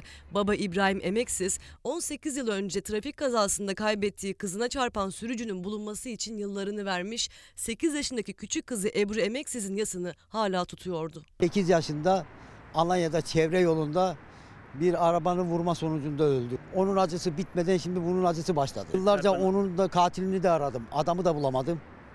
Şimdi bir de bununki çıktı. Yani insanlar birinin acısını çekemezken ben iki taneyi birden çekiyorum şu anda. Yani bu ne kadar dermanım kaldı siz düşünün. 32 yaşında hayatını kaybeden Elif Emeksiz Alanya'da toprağa verildi. Ve bir evlat acısı haberi daha maalesef. Öyle unuttuk ki sevinmeyi bilemez hale geldik. Maç olur, şampiyonluk olur, bir düğün olur. Bakıyorsunuz silahlar, silahlar çekiliyor. Böyle bir durum, yaşanan böyle bir an sonrası evlat acısı. Bak gidiyorum ha. Allahu Ekber. Bir daha gülüp oynayamayacak Berke. Yorgun mermiyle ağır yaralanan küçük çocuk sadece 6,5 ay dayanabildi. 6 yaşındaki Berke hastanede verdiği yaşam mücadelesini kaybetti. Çorum'da 6 yaşındaki Berke Düzgün 21 Mayıs günü ailesiyle birlikte bir yakınlarının düğününe gitti. Sokakta oyun oynarken 900 metre ötedeki başka bir düğünde ateşlenen silahtan çıkan mermi küçük çocuğun başına isabet etti. Berke ağır yaralandı, tedavi altına alındı. Uğur'u seviyor mu? Ne kadar? Polis düğüne katılanların listesi ve kamera kayıtlarından yola çıkarak 287 kişinin ifadesine başvurdu. Düğün alanında 5482 deforme mermi çekirdeği tespit edildi. Silah ateşleyen kişinin AA olduğu belirlendi. Gözaltına alınan AA tutuklandı. Durumu ciddiyetini koruyan Berke ise 199 gün sonra tedavi gördüğü hastanede yaşamını yitirdi. Küçük çocuk çiftlik mezarlığında toprağa verildi. Gerçekler bir yandan da yürek yakıyor. Ekonomiyi konuşuyoruz. Siyaset, siyasetin gündemine bakıyoruz. Bir yandan memleketten gelen haberlere bakıyoruz. Hani sevinmeyi unuttuk. Nasıl sevineceğimizi unuttuk. Bizde yarattığı his bu maalesef. İşte karşılaştığımız durum. Bir evladın ailesinin elinden kayıp gitmesi, ailesinin evladını toprağa vermesi maalesef. Şimdi ekonomi konusuna başlığına geri dönecek olursak Dünya Gazetesi ve nasıl bir ekonomi gazetesi enflasyonda bir buçuk yıl sonra ilk yavaşlama merakla beklenen Kasım ayı enflasyonu dün açıklandı. TÜİK verilerine göre yıllık enflasyon bir buçuk yılın ardından ilk defa yavaşladı. Asgari ücret enflasyon hesaplaması, memur ve emekli zammı hesaplamalarıyla kira artış oranı için kritik öneme sahip 2022 Kasım ayı enflasyon oranı aylık %2.88, yıllık %84.39 oldu. Sonra nasıl bir ekonomi? Ha bu arada diskin talebi e, asgari ücret e, pazarlıkları da başlayacak. 7 Aralık yani yarın itibariyle bu pazarlık masası da kurulacak. İşveren, işçi onlar yan yana gelecek. Ortada da hükümet. Peki ne kadar olacak? Diskin talebi 13.200 lira. Birazdan Arzu Çerkezoğlu'nda bunu soracağız. Neden 13.200 lira? Hem yeter mi yetmez mi onu konuşacağız ama bu rakam nasıl ortaya çıktı? Asgari ücretlinin kaybı nedir yıldan yıla? Bir siyasetçinin söylediği, bir işçinin söylediği onu konuşacağız. Sonra enflasyon düştü, zirveden de döndü. Nasıl oldu bu diye soracak olursanız baz etkisi deniliyordu ya. İşte nasıl bir ekonomi gazetesinin de manşetinde o yer alıyor. Enflasyon baz etkisiyle zirveden döndü. Peki üretici fiyat endeksi %136'ya geriledi. Bu ne demek? E fiyatlara zam gelmeye devam edecek demek. Sonra bir haber daha var. Onu İran'la ilgili haberimiz hazır. Ekranlarınıza taşıyalım. O zaman paylaşalım. Sonra az önce hani birazdan konuşalım dediğimiz bir konu vardı. Aslında oraya geldi sıra. Gaziantep Doğuş Gazetesi ilaç krizi halk sağlığı sorununa dönüşüyor. Eczacıların ekonomik çıkmaza, kamu eczacılarının hak kayıplarına, ilaç yokluğuna, yok sayılmasına, kontrolsüz açılan fakültelere, ilaç fiyat farkına dur demek adına verdikleri mücadele devam ediyor. Bu mücadele devam ederken çocuklarımız hayati öneme sahip olan ilaçlar, onları hayatta tutacak olan ilaçlar hastalar üstelik o ilaçlara ulaşılamıyor. Bir taneye baktık yoktu ilaç. Şimdi ikinciye bakalım var mı yok mu diye. Bazı ilaçlarda tabletler de yok ama şuruplarda da olmadığı durumlar var açıkçası. Bugün işte acile getirdim. İlk defa bu hastaneyi bu kadar yoğun görmüşüm. Hiç böyle yoğunluk yoktu yani. Ben bir saat var bekliyorum.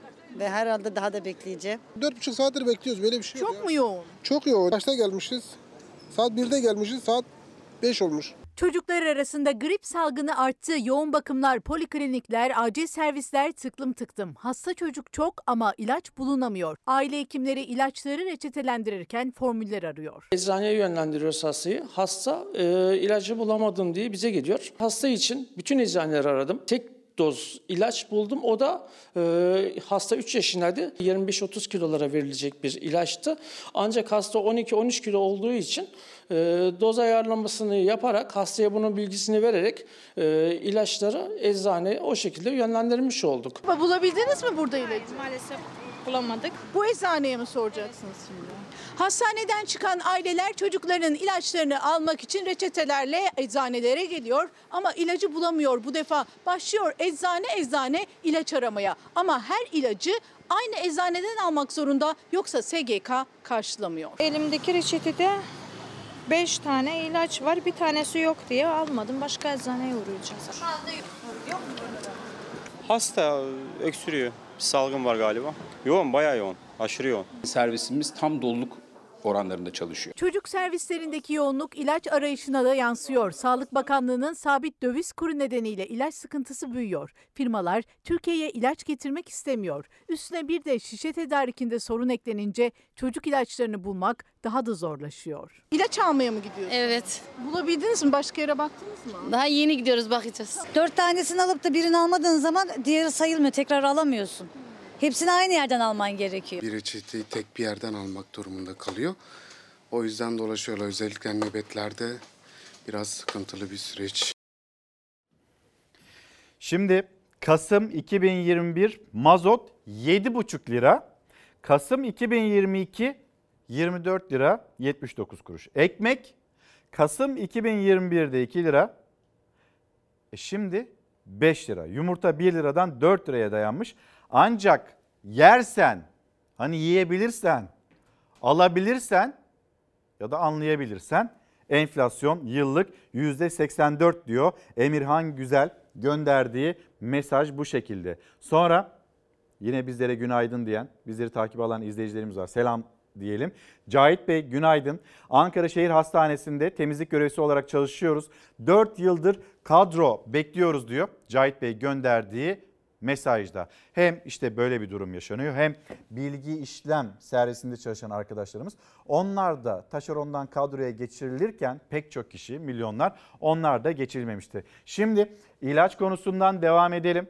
Memleketimizde adı konulmamış bir ilaç kıtlığı yaşanıyor ve bir de hesaplama yapıyor.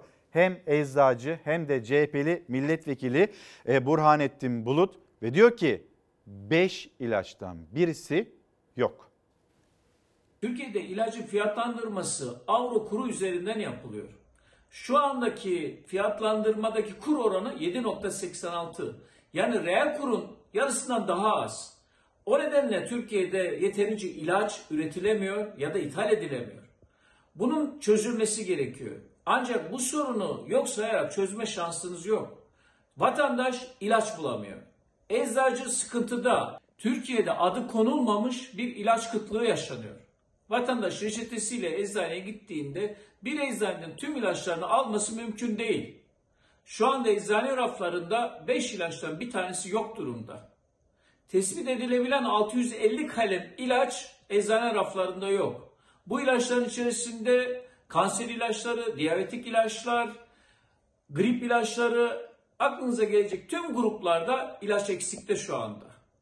Önemli hastalıklar, basit hastalıklar da dahil olmak üzere. Tüm bunlar yaşanırken iktidar kanadı bu sorunu yok sayıyor. İlaç fiyatlarını zamlandırarak bu sorunu çözebileceğini zannediyor. Bir ilaç bulma krizi yaşanıyor.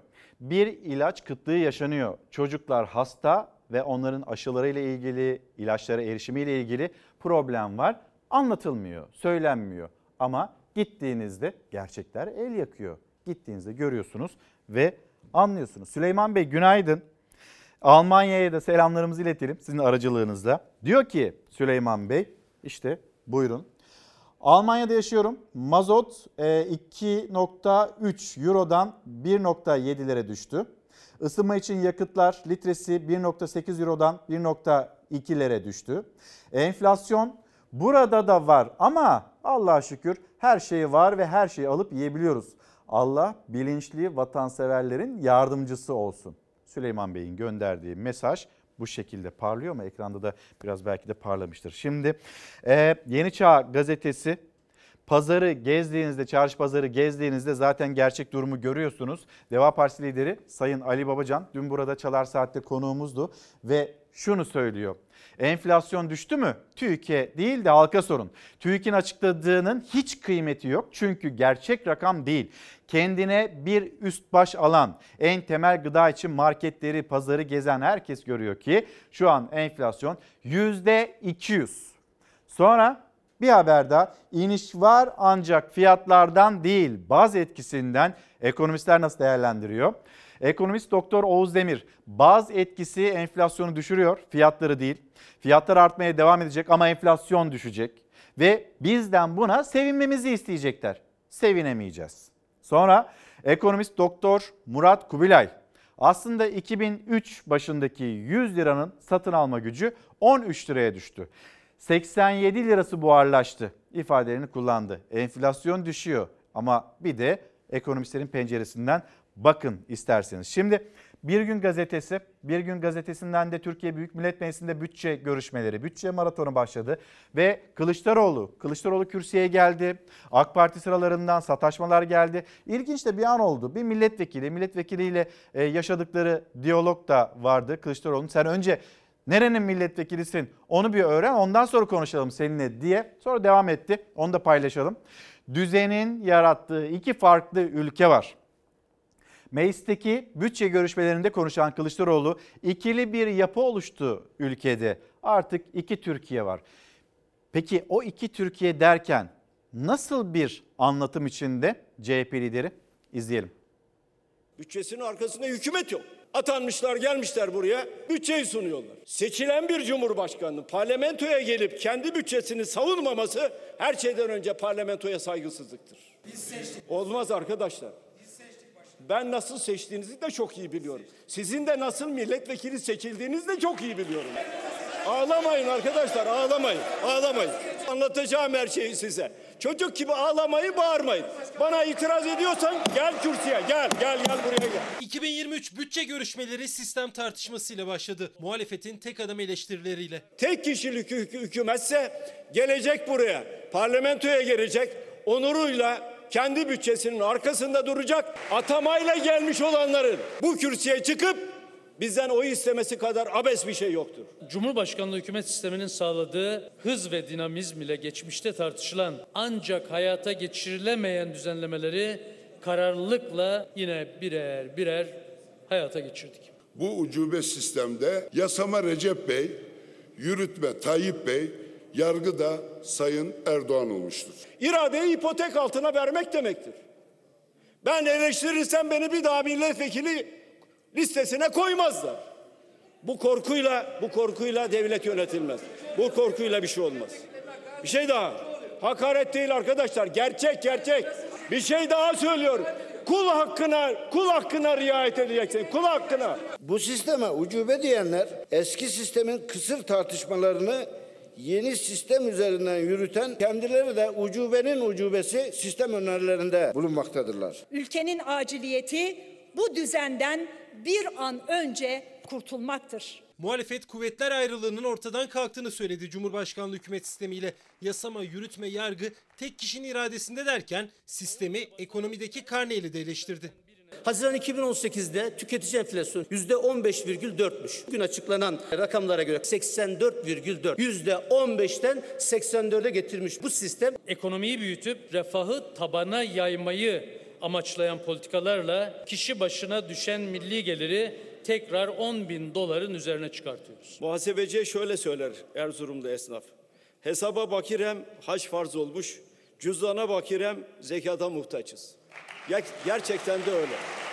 İçeriden ve dışarıdan maruz kaldığımız engeller işimizi zorlaştırmış olsa da hedeflere ulaşma irademizi yok edemedi. Bir dış güç iktidara gelse bu memlekete ancak sizin verebildiğiniz kadar zarar verebilirdi. Onu söylüyor. Bu bütçe Sayın Fuat Oktay'a veda, Sayın Recep Tayyip Erdoğan'a da elveda bütçesi olarak tarihe geçecektir. Bütçe görüşmeleri 16 Aralık'a kadar kesintisiz sürecek. Göstermelik ve kağıt üstünde bir ekonomi tarifi, bir pahalılık tarifi yapılıyor. Ama tekrar söyleyelim gerçeklerde el yakıyor. Sözcü gazetesini getirir misin? Hani göstermelik derken neyi de yaşıyoruz, neyle karşılaşıyoruz? İşte buyurun. Cumhurbaşkanı gitti, büfeyi kaldırabilirsiniz. Nedir bu? AKP'li belediyenin göz boyama operasyonu deşifre oldu. Şanlıurfa Belediyesi sanki şehirde halk ekmek satışı varmış gibi Erdoğan'ın geçeceği güzergahların üstüne halk ekmek büfeleri koydu. Büyük tepki çekti. Nasıl? Yani halk ekmek büfesi yok muymuş Şanlıurfa'da? Ya da Cumhurbaşkanı'nın güzergahında olduğu kadar yok muymuş? Çakma büfe operasyonunu AK Partili eski Eyyubiye Belediye Meclisi üyesi Bilal Tekatlı ortaya çıkardı. Tekatlı sosyal medyada Erdoğan'ı etkileyerek Sayın Erdoğan gitti boş ekmek büfelerinizi kaldırıya, kaldırabilirsiniz. Erdoğan'ı Cumhurbaşkanı'nı etiketleyerek nereye sesleniyor? Belediyeye sesleniyor. Sayın Erdoğan gitti. Boş ekmek büfelerinizi kaldırabilirsiniz mesajını paylaştı. CHP'li Tanal ise göz boyama dedi. Şanlıurfa Belediyesi'nin ihale duyurusunu bile 3 ay önce yaptığı halk ekmek fabrikasının bitmemesine karşın sanki kentte halk ekmek satışı yapılıyormuş gibi caddelere büfe koyması Erdoğan'ı bile kandırıyorlar dedirtti. Şimdi bakın işte o da işte hizmette olmayan büfelerden birisi fotoğrafında bu şekilde Sözcü gazetesi paylaşıyor. Peki var mı o eski halden eser? Onu da sorguluyor Sözcü gazetesi. Ee, Cumhurbaşkanı Şanlıurfa'daydı. 2014 yılında Şanlıurfa nasıl karşıladı Erdoğan'ı ve sonra 2022'de nereden nereye fotoğrafı aslında. Erdoğan 8 yıl önce Şanlıurfa Topçu Meydanı'nı böyle doldurmuştu. Hınca hınç bir kalabalık. Hani civar illerden, ilçelerden getirilenler de var. Zaten bu hani şaşırtmıyor. Bir haber değeri de olduğunu düşünmüyorum. Artık bunun bir haber değeri olduğunu düşünmüyorum. Bakın meydan ve kalabalığa. Hani o gün de getiriliyordu, bugün de getirildi. Yıl 2022 Erdoğan 3 Aralık'ta Abide meydanını dolduramadı. Böyle bir görüntü. Şimdi öğrencilerimiz diyeceğiz. Öğrencilerimizin yaşadığı bir sorun var.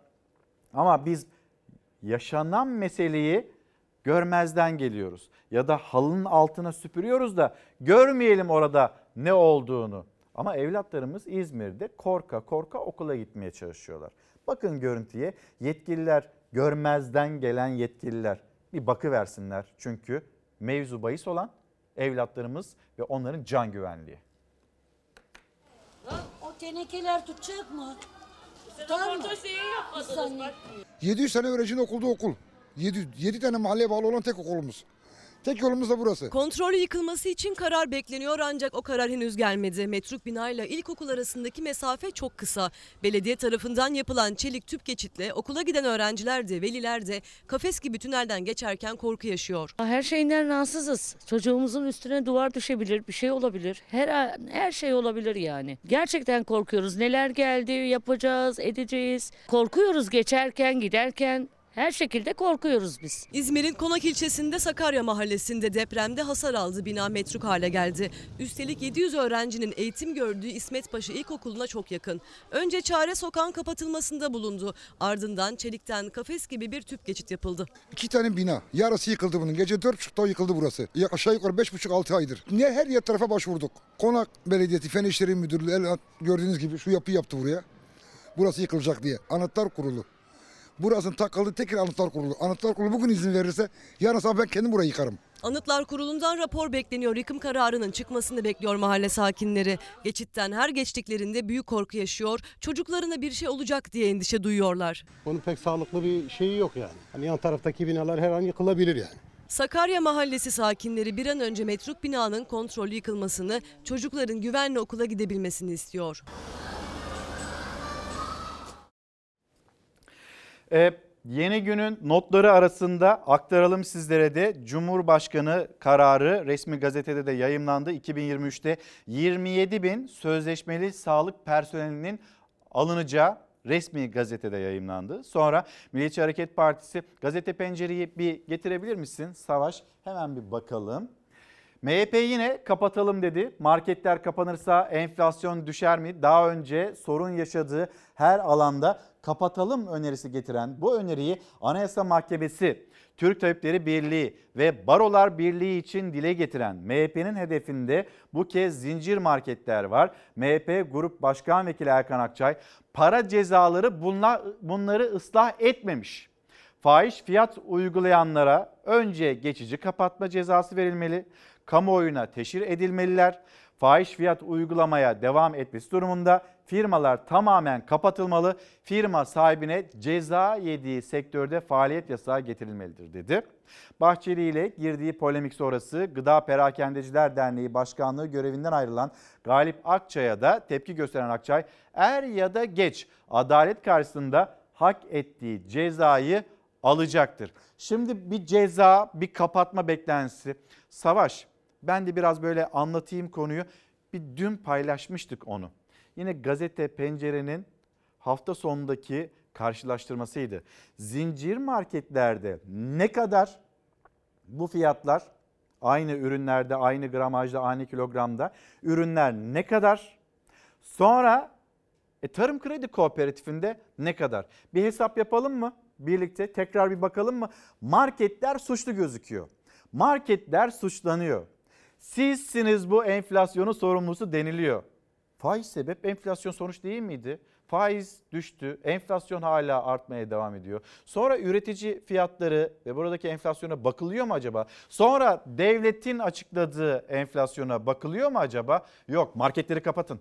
Kapatın marketleri. Onlar pahalılığın sebebi. Sorumlusu onlar. İşte bakın buyurun. Tarım Kredi Kooperatifi, sonra zincir marketler. Fiyat farkına bakacağız. Mesela 1 litre ayçiçek yağında kooperatif 3 lira daha pahalı. Sonra 1 kilogram çayda kooperatif 55 kuruş daha ucuz. 55 kuruş. Bakıyorsunuz 10 kuruş ucuz, 1,5 lira ucuz, 25 kuruş ucuz, 2 lira daha ucuz, 2 lira 75 kuruş daha ucuz. Hani bak salçada, margarinde, makari- makarnada, sütte, unda böyle hesaplamalar yapılıyor. E unda mesela kooperatif 1 lira daha pahalı. E bir hesaplama yapılıyor. 394 lira 55 kuruş kooperatiften aldığınızda bu ürünleri gidip oradan aldığınızda 394 lira 55 kuruş. E, zincir markete gittiğinizde de 397 lira 20 kuruş. 2 lira 65 kuruşluk bir fark var. 2 lira 65 kuruşluk bu fark sonrasında denildi ki FETÖ'cüsünüz. Terör örgütüne yardım ediyorsunuz. Siz insanları kandırıyorsunuz. Doğruyu söylemiyorsunuz. Bunu söyleyebilmeniz için arada daha büyük bir fark olması gerekmez mi? 2 lira 65 kuruş için marketlere bu söylenir mi? Marketlerin bir suçu var mı? Var. Esnafın beklentisi var mı? Var. Gittiler marketlerin, mahalle marketinin yanına o marketleri kurdurdular mı? Kim kurdurdu? Onlar geldi. Kırtasiyeci esnafı sıkıntıda mı? Benim satacağımı büyük marketler satıyor. Var mı söz söyleyen? Ya da başka başka beyaz eşya satılıyor. Her şey satılıyor marketlerde. Siz esnafı korudunuz mu? Perakendeciler yasası, perakende yasası bununla ilgili bir adım attınız mı? Atmadı. Kapatılsın marketler. Onlar yaptı demek en kolayı ama yaşadığımız. Gazete Pencere'ye geri dönelim. Gazete Pencere'de CHP lideri ile İçişleri Bakanı Süleyman Soylu arasında yaşanan bir tartışma. Yine Türkiye Büyük Millet Meclisi'ne geri döneceğiz. Dün akşam saatlerinde neler oldu? Yine sesler hangi konuda hangi başlıkta yükseldi ve Kılıçdaroğlu sordu, Soylu hakaret etti. Detayına girmeyeyim, haberde izleyelim hep birlikte. Türkiye'ye kirli paralarının çamar, çamaşırası, çamaşırhanesi haline getirdiler. Yani bu paraları aldılar, getirdiler, hiç kimse sormadı, bankalara yatırdılar, yıkadılar, temizlediler, pirupak yaptılar. Onlar için Türkiye kirli paralarının yıka- yıkanacağı, temizleneceği bir ülke haline geldi. Mert emniyetçilerimiz, yürekli emniyetçilerimiz bu fotoromancıdan bıkmış vaziyette. Hikayenin gerisini zaten herkes biliyor. Polise, jandarmaya, Mehmetçiye, devlete, cariye açık uyuşturucuyla kapatılıyor. İftirasını ispat edemeyip lafın altında kalınca, Jeremy Rifkin de tutmayınca bayatlamış iftira dedikodularla gündem değiştirme çabasında. CHP liderinin meclis kürsüsünden dile getirdiği kara para başta olmak üzere iddialara İçişleri Bakanı Süleyman Soylu sosyal medyadan yanıt verdi. Türkiye'de at koşturdular. En önemli mafya liderleri, uyuşturucu baronları Türkiye'ye geldiler. Türkiye'de oturdular. Türkiye'de daire aldılar. Türkiye Cumhuriyeti vatandaşlığı için müracaat ettiler. Mafya lideri geliyor yurt dışından, buradaki mafya o da yurt dışından hesaplaştılar ve öldürdüler onları. Baronlar burada at koştururken o zaman ne oluyor? Araya fotoroman malzemesi giriyor. Daha önce de dile getirdiği iddialarını bu kez Türkiye Büyük Millet Meclisi Genel Kurulu'nda seslendirdi Kemal Kılıçdaroğlu. Koca Türk devletinin mafya bozuntularına, çamaşırhane yapanların Allah bin belasını versin diyor. Uyuşturucu paralarını getirdiler, kendileri de geldiler. Ya siz bunları bilmiyor musunuz Allah aşkına ya? Sormuyor musunuz ya? Emniyet güçleri paralize edildi, emniyet güçleri. Emniyet güçlerine baskı yapılıyor. İftirasını ispat etmezse Kılıçdaroğlu şerefsizdir. İçişleri Bakanı Soylu da çok sert yanıt verdi Kılıçdaroğlu'na. İddialarını ispata çağırdı. Ama şunu unutmayın, uyuşturucuyu da, uyuşturucu baronunu da, bu pisliğin önünü açanların tamamını da deftere yazdık, hepsinin hesabını soracağız. Sadece Kılıçdaroğlu Soylu atışması yoktu mecliste. CHP'li Engin Özkoç'la Cumhurbaşkanı Yardımcısı Fuat Oktay hattı da gerildi. Siz daha sonra kendiniz Veysel Filiz denilen 100 kilo heroinle yakalanan kişiyle ilgili telefon edip de serbest bırakın dediniz mi demediniz mi? Bununla ilgili bununla ilgili gizlilik kararı aldırdınız mı aldırmadınız mı?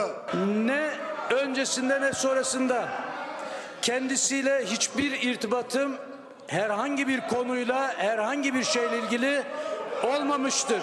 İşlediği veya karıştığı hiçbir suç veya mahkemeye veya tutuklanmasıyla ilgili hiçbir makam, hiçbir mevki ve hiçbir şahsı aramam, asla veya irtibat kurmam.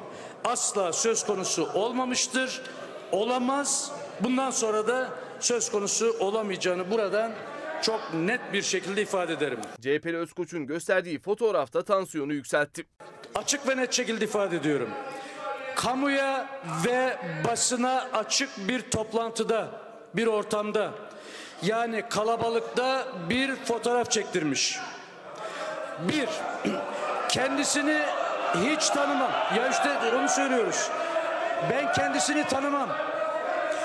Ne öncesinde ne sonrasında kendisiyle hiçbir irtibatım herhangi bir konuyla herhangi bir şeyle ilgili olmamıştır. Bu makamda çektirdiğini söyledim. Makamda bak bu makamda çektirdin. Bu makamda çektirdiğiniz resim gibi daha dört tane beş tane resminiz var. Beraber. Yani az önce ya az önce Az önce yalan söylediniz. Bu resim benim bakam odam değil. Bu resim yine bir il ziyareti çerçevesinde bir yere gitmişiz ve bizim e, normalde kontrolümüzde olan bir ortam değil. Yine büyük ihtimal kamuya açık bir ortam. Normalde kontrolümüzde olan bir yer değil. Hani bir il ziyaretinde çekilmiş bir fotoğraf diye savundu Fuat Oktay kendisini. Sonra Türkiye Büyük Millet Meclisi'nde Kılıçdaroğlu bir şey söyledi. AK Parti sıralarına döndü. Kendi bakanınız mafyadan 10 bin dolar alan siyasetçi var dedi. Bir tanenizin sesi bile çıkmadı. Ya nasıl sindiriyorsunuz diye. AK Parti sıralarına döndü. Kulislerde konuşulan bir isim. AK Partili Metin Külünk. Ve bu soru Babala TV'de e, Oğuzhan Uğur'un programında Metin Külünk'e soruldu. 10 bin dolar alan siyasetçi siz misiniz diye. İşte Külünk'ün yanıtı. Benim sorum çok açık ve net olacak. Sadece evet veya hayır demeniz de yeterli. Sedat Peker'den aylık 10 bin dolar alan AKP'li isim siz misiniz?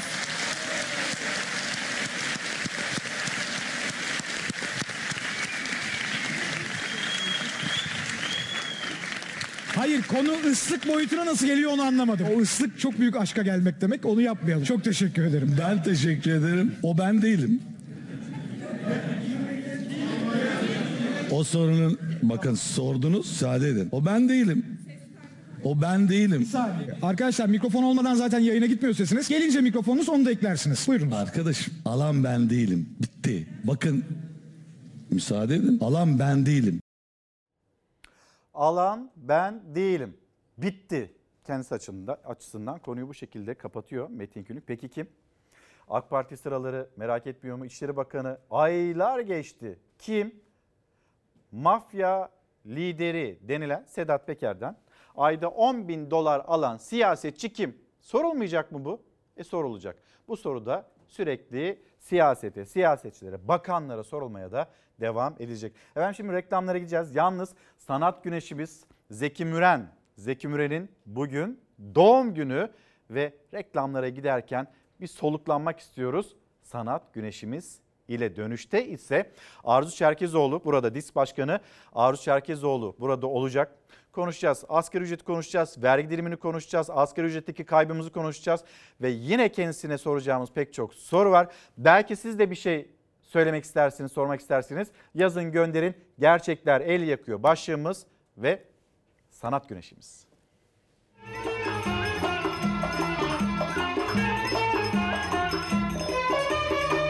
Dünya handır han içinde Yaşar oru can içinde Rüya gibi gelir geçer İnsanoğlu gam içinde Dertli ağlar dertsiz ağlar dünya içinde. Dertli ağlar dertsiz ağlar dünya içinde. Hey gidi gidi koca dünya gam yükümüzsün Söyle fani dünya söyle dert küpümüzsün Hey gidi gidi koca dünya gam yükümüzsün Söyle fani dünya söyle dert küpümüzsün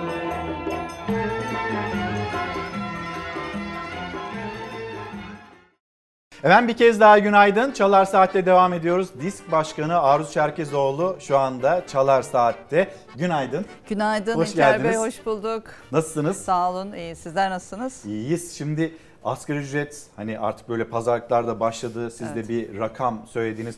Bunu neyi ölçtünüz, neyi biçtiniz de paylaştınız. Bakıyoruz böyle e, asgari ücretle alım gücünün arttığı da söylendi dün. Hani sizi şaşırtan açıklamalardan birisi olacak. Türkiye Büyük Millet Meclisi'nde AK Parti e, yetkililerinden gelen açıklamalar bu yönde oldu. Bir hesaplamayı da sizin yapmanızı istiyorum. Ben işçi e, nezdinde. Vergi dilimini lütfen ve mutlaka konuşalım. Sonra promosyon hakları var mesela. Onu da konuşalım istiyorum sizinle.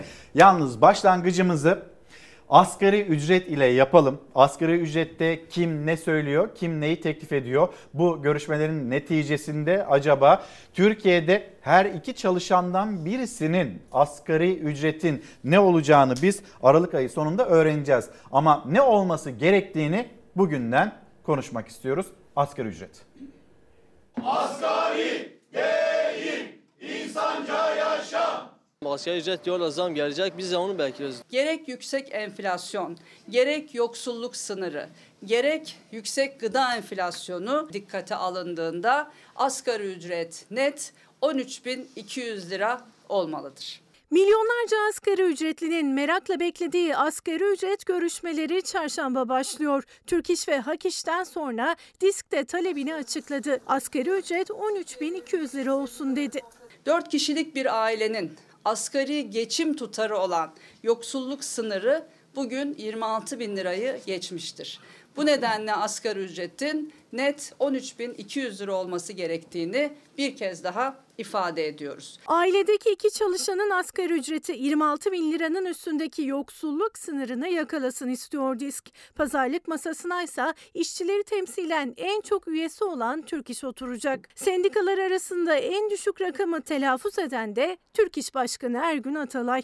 7785 liranın Yani altını kabul etmez. altında bir rakamı yani kabul etme şansımız sıfır. Kırmızı çizgi bu. Çizgiyi 7785 lirayla çizdi Türk İş. Sonra yüksek gıda enflasyonuna dikkat çekti. TÜİK'e göre %102, Türk İş'e göre ise %138 gıda enflasyonu. Üç haneli bu oranla oturulacak masaya. Yani sizin baktığınız yer açlık sınırı mı gıda enflasyonu mu? Gıda enflasyonu %138. Şu an 10 lira da olsa bize yetmez. Beklentiniz nedir bu yıl? 15 bin lira olsa rahatlar ama yapmayacaklar. Yapmaları da imkansız zaten. Ne kadar ücret alıyorsunuz? 5500. Maalesef geçinemiyorum. En az 15 milyar olması lazım en az.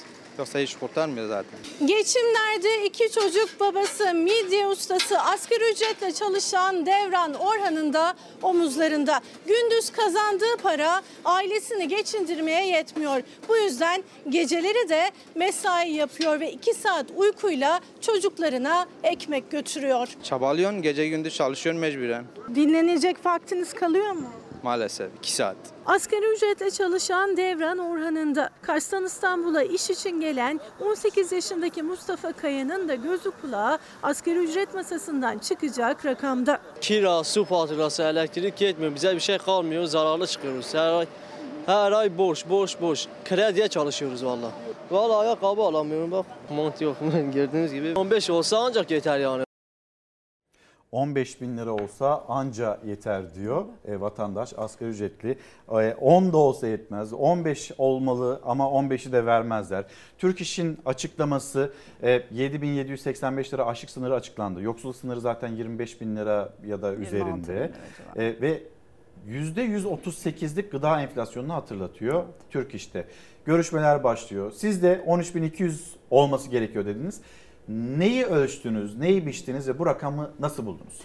Şimdi İlker Bey siz e, bugünkü programın hashtagine gelirken baktım gerçekler el yakıyor diye. Aslında biraz önce haberde gerçekleri gördük. O yüzden biz de asgari ücretle ilgili e, talebimizi olması gerekeni son derece bilimsel gerçekler ışığında. Biliyorsunuz Diskar her yıl e, bir asgari ücret raporu hazırlıyor. Son derece kapsamlı bir rapor. E, ve buradaki bilimsel veriler ve gerçekler ışığında biz talebimizi olması gereken rakamı en alt rakamı ifade ediyoruz. E, bu yıl açısından da baktığımızda aslında biraz önce haberde de gördüğümüz gibi hakikaten hayatın gerçekleri ortada. Türkiye ekonomisi 2018 yılından beri ciddi bir sıkıntılı döneme girdi. Gerekçelerini konuşuruz e, ilerleyen dakikalarda.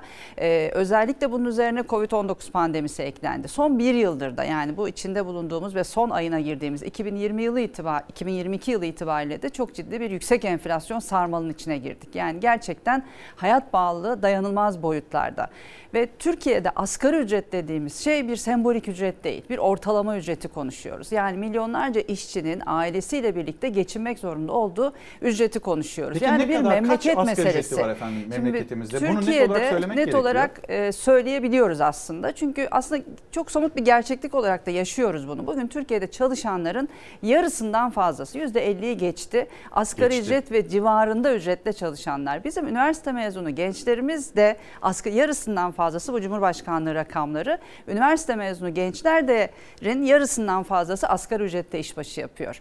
Dolayısıyla asgari ücret e, milyonlarca insanın sorunu, milyonlarca işçinin, ailesinin, çocuklarının sorunu. Yani sadece çalışanın sorunu da değil. Evet. Bizim e, özellikle mesela asgari ücret belirlenirken Türkiye'de e, uluslararası standartlara da uyulmuyor. Bunun da altını çizmek istiyorum. Bütün dünyada, bütün uluslararası belgeler, Birleşmiş Milletler belgeleri, Uluslararası Çalışma Örgütü, Avrupa Sosyal Şartı, asgari ücreti hep işçinin ailesiyle birlikte geçineceği bir ücret olarak tarif eder. Ama bizde hala daha asgari ücret tek bir işçi üzerinden hesaplanıyor. Oysa hani Türkiye'de aile yapısıyla biz hep övünürüz. Yani Türkiye'de kaç kişi tek başına yaşıyor? Yani herkesin bir ailesi var, çoluğu var, çocuğu var, geçinmek, geçindirmek zorunda olduğu insanlar var. Dolayısıyla her şeyden önce aileyle birlikte geçinilebilecek bir ücret olmalı ama hala tek kişi üzerinden belirleniyor ve Türkiye'de geçim koşulları ortada. Yani 4 kişilik bir ailenin Yani en hesabı- temel, en temel geçim e, için geçerli olan tutar, yoksulluk sınırı dediğimiz e, tutar bugün 26 bin lirayı buldu. Dolayısıyla bir evde iki kişi çalıştığını varsayalım. Böylesi bir durumda o eve bir yoksulluk sınırı kadar gelir girebilmeli diyoruz. Dolayısıyla bir yoksulluk sınırı. iki enflasyon. Evet dün açıklandı. TÜİK rakamları açıkladı. Hani artık gerçeği İkna yansıtmadı. açıklanan enflasyona? E, tabii ki olmadık çünkü hepimiz yaşıyoruz. Hani diyorsunuz ya gerçekler el yakıyor. Gerçekler el yakıyor. Yani her gün hepimiz çarşıya, pazara, manava gidiyoruz. Evimize fatura geliyor. Yani gerçek enflasyonun Türkiye'de %84 olmadığını bu ülkede yaşayan 85 milyon insan biliyor. Yaşayarak biliyor. E, Gıda enflasyonuna bakalım. TÜİK'in bile gıda enflasyonu %100'ü aştı. %103. Geçen ay %99'du. Yani gıda enflasyonunda artış devam ediyor. Ve üretici fiyatlarına baktığımızda aradaki makas müthiş. Demek ki enflasyon artışı Oh ne devam güzel edecek. değil mi? 20 küsür puan düştü. %136 üretici fiyat Ee, e, endeksi enflasyonu. Öyle değil o yani 20 20 puan düştüğü zaman fiyatlar üretici fiyatları düşmüş olmuyor. Sadece artış hızı biliyorsunuz biraz yavaşlamış oluyor ama %136 üretici fiyatı demek bu yüksek enflasyonun devam edeceği anlamına geliyor. Neredeyse artık herkes ekonomist oldu. Baz etkisi falan hepimiz öğrendik. Hani baz etkisi diye işte Kasım, Aralık, Ocak'ta biraz düşük ölçülecek enflasyon ama bu fiyatların düştüğü anlamına gelmeyecek. Tam tersine Türkiye ekonomisinin içine girdiği bu süreç e, bu yüksek enflasyon sarmalının devam edeceğini bize söylüyor. Dolayısıyla yüksek enflasyon ve özellikle de gıda enflasyonu. Şimdi TÜİK rakamları e, enflasyon rakamını açıklarken bir de çok önemli bir şey var İlker Bey. E, gelir gruplarına göre enflasyon oranlarını açıklamıyor. Şimdi gıda enflasyonu %103 TÜİK'e göre. Bu zaten çok yüksek bir Grafikler oran. üzerinden konuşmak ister Olur. misiniz? Getirelim grafiklerimizi. Peki. Savaş sana zahmet. Şimdi grafikler üzerinden başlayalım. Evet. E, Diskar'ın araştırması. Arzu Hanım da dün kameraların karşısına geçti. Asgari ücretin 13.200 lira olması gerektiğini söyledi. Şimdi burada hani Türk İş'in hatırlattığı gibi bakılması gereken açlık sınırı mı? Yoksa %138'lik gıda enflasyonu mu? Siz nasıl yaklaşıyorsunuz? Ve grafikleriniz. Ya bu grafik e, biraz önce konuştuğumuz asgari ücretle çalışanların kapsamını gösteriyor bize ve e, bu açıdan bakıldığında e, Avrupa Birliği ülkelerinde ABD ve Türkiye'de asgari ücretlerin oranı yani e, e, avro düzeyinden karşılaştırması. Hep şunu söylüyor ya iktidar e, biz yüksek enf- e, asgari ücretli bir ülkeyiz diye öyle değil. Bakın daha çok değil 2010'lu yıllarda Avrupa ülkeleri içerisinde bizden daha düşük asgari ücret olan ülke sayısı 12 idi. Şu anda Türkiye'den daha düşük asgari ücret olan iki tane ülke var. Bulgaristan ve Arnavutluk bu grafik bunu gösteriyor. Yani dünyada en düşük asgari ücretli Peki ülkelerden mesela bir Bulgaristan'da tanesiyiz. da e, asgari ücretlinin sayısı her iki çalışandan birisi mi? O kadar yüksek değil üstelik. Bizde hem asgari ücretle çalışanların oranı yüksek hem de e, asgari ücretin alım gücü ve avro düzeyinde kıyasladığımızda asgari ücret son derece düşük. Yani şu an bakıldığında dolar bazında da 295 dolara yaklaşık Bakalım e, hemen tekabül ediyor. var. Yani bizim memleketimizde asgari ücret e, aslında bir geçim ücreti. Bir geçim Bir ücreti, kişi üzerinden ortalama ücret. Oysa aile üzerinden hesaplanması, Hesaplanması gerekiyor lazım. diyorsunuz. Şimdi İşte burada 1 da bunu Ocak görüyoruz. 2022 tarihi Arzu Hanım 4253 liraydı. Evet. Ve ne kadar hani %50 seviyesinde bir zam çok da başarılı bulmuştu. Muhalefet de alkışlamıştı. Hükümet bunun da övünmüştü.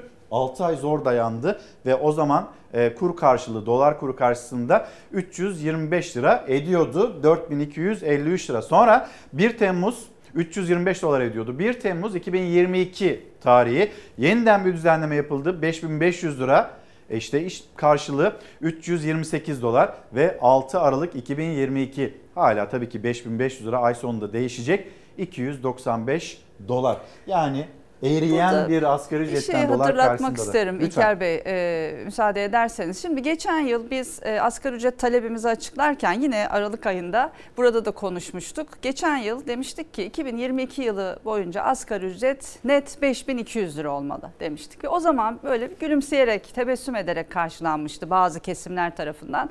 Ya diskine olmayacak şeyler istiyor diye. Sonra Bazı asgari kesimler? ücret tespit komisyonu e, bir rakam belirledi. 4253 lira. Sizin de söylediğiniz gibi bunu böyle alayla ve alayla açıkladılar. %50 artış, tarihi artış falan diye. Ve o 4253 lira açıklandığında biz dedik ki bu rakam suya yazılan bir yazıdır. Maalesef haklı çıktık.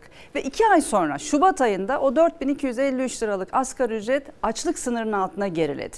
Biz Şubat'tan itibaren çağrı yaptık. Enflasyon çok yüksek. Mutlaka yıl içinde bunu güncelleyin dedik. Önce olmaz dediler. Masadaki herkes olmaz dedi. Aralığı bekleyeceğiz dediler. Ama Haziran'da masayı kurmak zorunda kaldılar ve yıllar sonra ilk kez asgari ücret yıl ortasında 1 Temmuz itibariyle güncellenmek zorunda kaldı ve 5500 lira yapıldı. Ve şu an yılın sonundayız. Asgari ücret 5500 lira. O rakam bile açlık sınırının altına geriledi ve Disk'in geçen yıl bu yıl için önerdiğimiz 5200 lira rakamının da üstüne çıktı şu anda 5500 lirayla. Yani bugün de biz dün yoksulluk sınırını gerçek enflasyonu, gıda enflasyonunu, gıda fiyatlarındaki artışı ve ekonomik büyümeyi katarak hesapladığımız 3200 pardon 13200 rakamını söylediğimizde de tebessüm edenleri ben şunu hatırlatmak istiyorum. Disk'in söylediği her şey asgari ücret başta olmak üzere bütün önerdiğimiz politikalar ülkenin gerçekleri, Türkiye'nin içinde bulunduğu durum, çalışanların, işçilerin, emekçilerin, halkın yaşam koşulları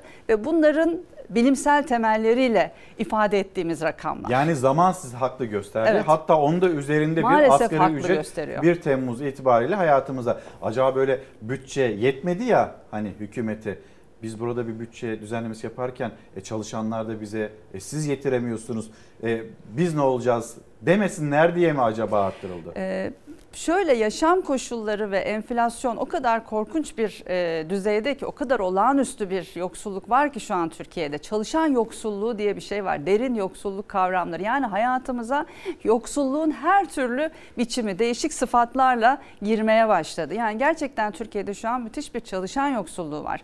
Bir evde iki kişi çalışıyor. İşte asgari ücret ortada. İki asgari ücretle bile yoksulluk sınırının yarısına ulaşamıyoruz şu anda. Yani olağanüstü bir yoksullaşma var. Alım gücü düşüyor ve asgari ücret tekrar söylüyorum sadece çalışanların sorunu değil. Onların çocuklarının da sorunu. Bugün lisede okuyan, her gün işte kantine gittiğinde 20 liradan aşağıya tost yiyemeyen ya da üniversitede okuyan çocukların da sorunu. Anneleri babaları asgari ücretle çalışan ve üniversitede okuyup işte arkadaşlarıyla okuldan çıktığında bir kahve içemeyen üniversite öğrencisi çocuklarımızın da sorunundan söz ediyoruz. Yani memleketin meselesini konuşuyoruz. Şimdi hani bekar bir çalışanın maliyeti ya o bile 10 bin liranın üzerinde Evet. Türk İş'in hesaplamasına göre. Enflasyon e siz diyorsunuz pahalılık da devam edecek. E gördük biz bunu yaşadık. Hani düştü, yavaşladı fiyatların artış hızı. Evet. Buna seviniliyor ama ya bu böyle kalmayacak, bu böyle devam edecek. Bir de hesaplamalar mesela e, Kasım ayı enflasyon önemli, kira artışı için önemli, memurun ya da emeklerin maaşı tabii. için önemli. Tabii. E, 84'lük, %84'lük bu artış ona bakılınca ne kadarlık bir zam bütün yapacaklar? emek gelirleri resmi enflasyon üzerinden hesaplanıyor. O yüzden resmi enflasyon, TÜİK'in açıkladığı enflasyon son derece önemli ve TÜİK bu rakamları gerçeklerden uzaklaşarak açıkladıkça çok açık bir biçimde bu ülkede çalışan milyonlarca işçinin, memurun, kamu çalışanının, emeklinin, herkesin sofrasındaki ekmeğe elini uzatıyor. Çok üzgünüm. Yani bu açıkça bir hırsızlıktır. Bunun başka bir adı yok. Yani TÜİK enflasyon rakamlarını gerçeklerden uzaklaşarak açıkladıkça, düşük gösterdikçe hepimizin sofrasındaki ekmek biraz daha küçülüyor. Çünkü bütün gelirler enflasyon üzerinden hesaplanıyor. O yüzden biz gıda enflasyonu diye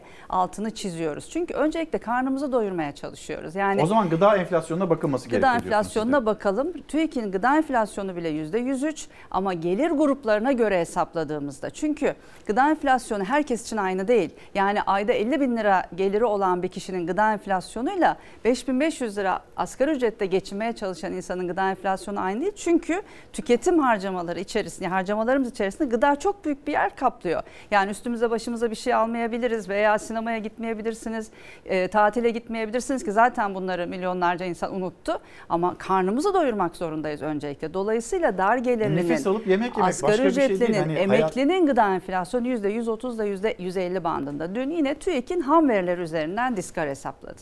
O yüzden bunların dikkate O alınması şart. grafikleri de gelelim. Tabii. Şimdi acaba Diskar'ın hesaplamaları içinde nasıl bir zam oranı çıkar? Mesela e, CHP Genel Başkan Yardımcısı Veli Ağbaba TÜİK'e göre son 5 aylık enflasyon artışı %14. TÜİK son 6 aylık enflasyonu şimdiden %18 olarak belirledi. Yani emeklilere ve memurlara verilecek zam sadece %18 ile sınırlı kalacak. Ne dersiniz? Şimdi bu tabii gerçekten Türkiye'de milyonların açlığa ve yoksulluğa mahkum edilmesi demek. 3500 Ve lira bütün maaş alan emeklilerimiz Evet. var bizim. Emekliler konusunu gerçekten konuşalım. Dün asgari ücret açıklamasında da değindik. Yani asgari ücreti konuşuyoruz bugünlerde ama emekli maaşları gerçekten son derece önemli ve Türkiye'de 2008 yılına kadar İlker Bey eski emekliler hatırlar. Asgari ücretin altında emekli maaşı söz konusu değildi. 2008 yılında AKP 5510 sayılı yasayı çıkardı ve o günden bugüne Üç tane şey yaptılar. Emeklilerin aylık bağlama oranlarını düşürdüler. Emekli maaşlarındaki alt sınırı kaldırdılar. Üçüncüsü de emeklilerin milli gelir artışından aldıkları payı %100'den %30'a düşürdüler. Yani sistematik bir biçimde emekli maaşları aşağıya doğru hareket etti ve düştü. Şu anda en düşük emekli maaşı hazineden yapılan destekle 3500 liraya tamamlanıyor. Ya bu Evet. utanılması gereken bir şey. Yani bunu övünerek bir de açıkladılar pandemi döneminde en düşük emekli aylığını 3500 lira yapıyoruz diye. Bununla utanır yani bir ülkeyi yöneten iktidar bununla utanır. Başka bir şey söylemeyeceğim. Şimdi eskiden emekli olmak böyle dört gözle beklenen bir şeydi. Yani böyle çok eskileri anlatmak istemiyorum özellikle gençlere ama yani Ama hakikaten benim anlatabilir. benim Mesela bize çocukluğumda- yazabilirsiniz. Gerçekler el yakıyor başlığı altında konuşuyoruz Arzu Hanım'la, Arzu Çerkezoğlu'yla. Ama siz bize yazabilirsiniz. Hani nereden nereye denilirken nereden nereye geldi emekli? Lütfen yazın gönderin.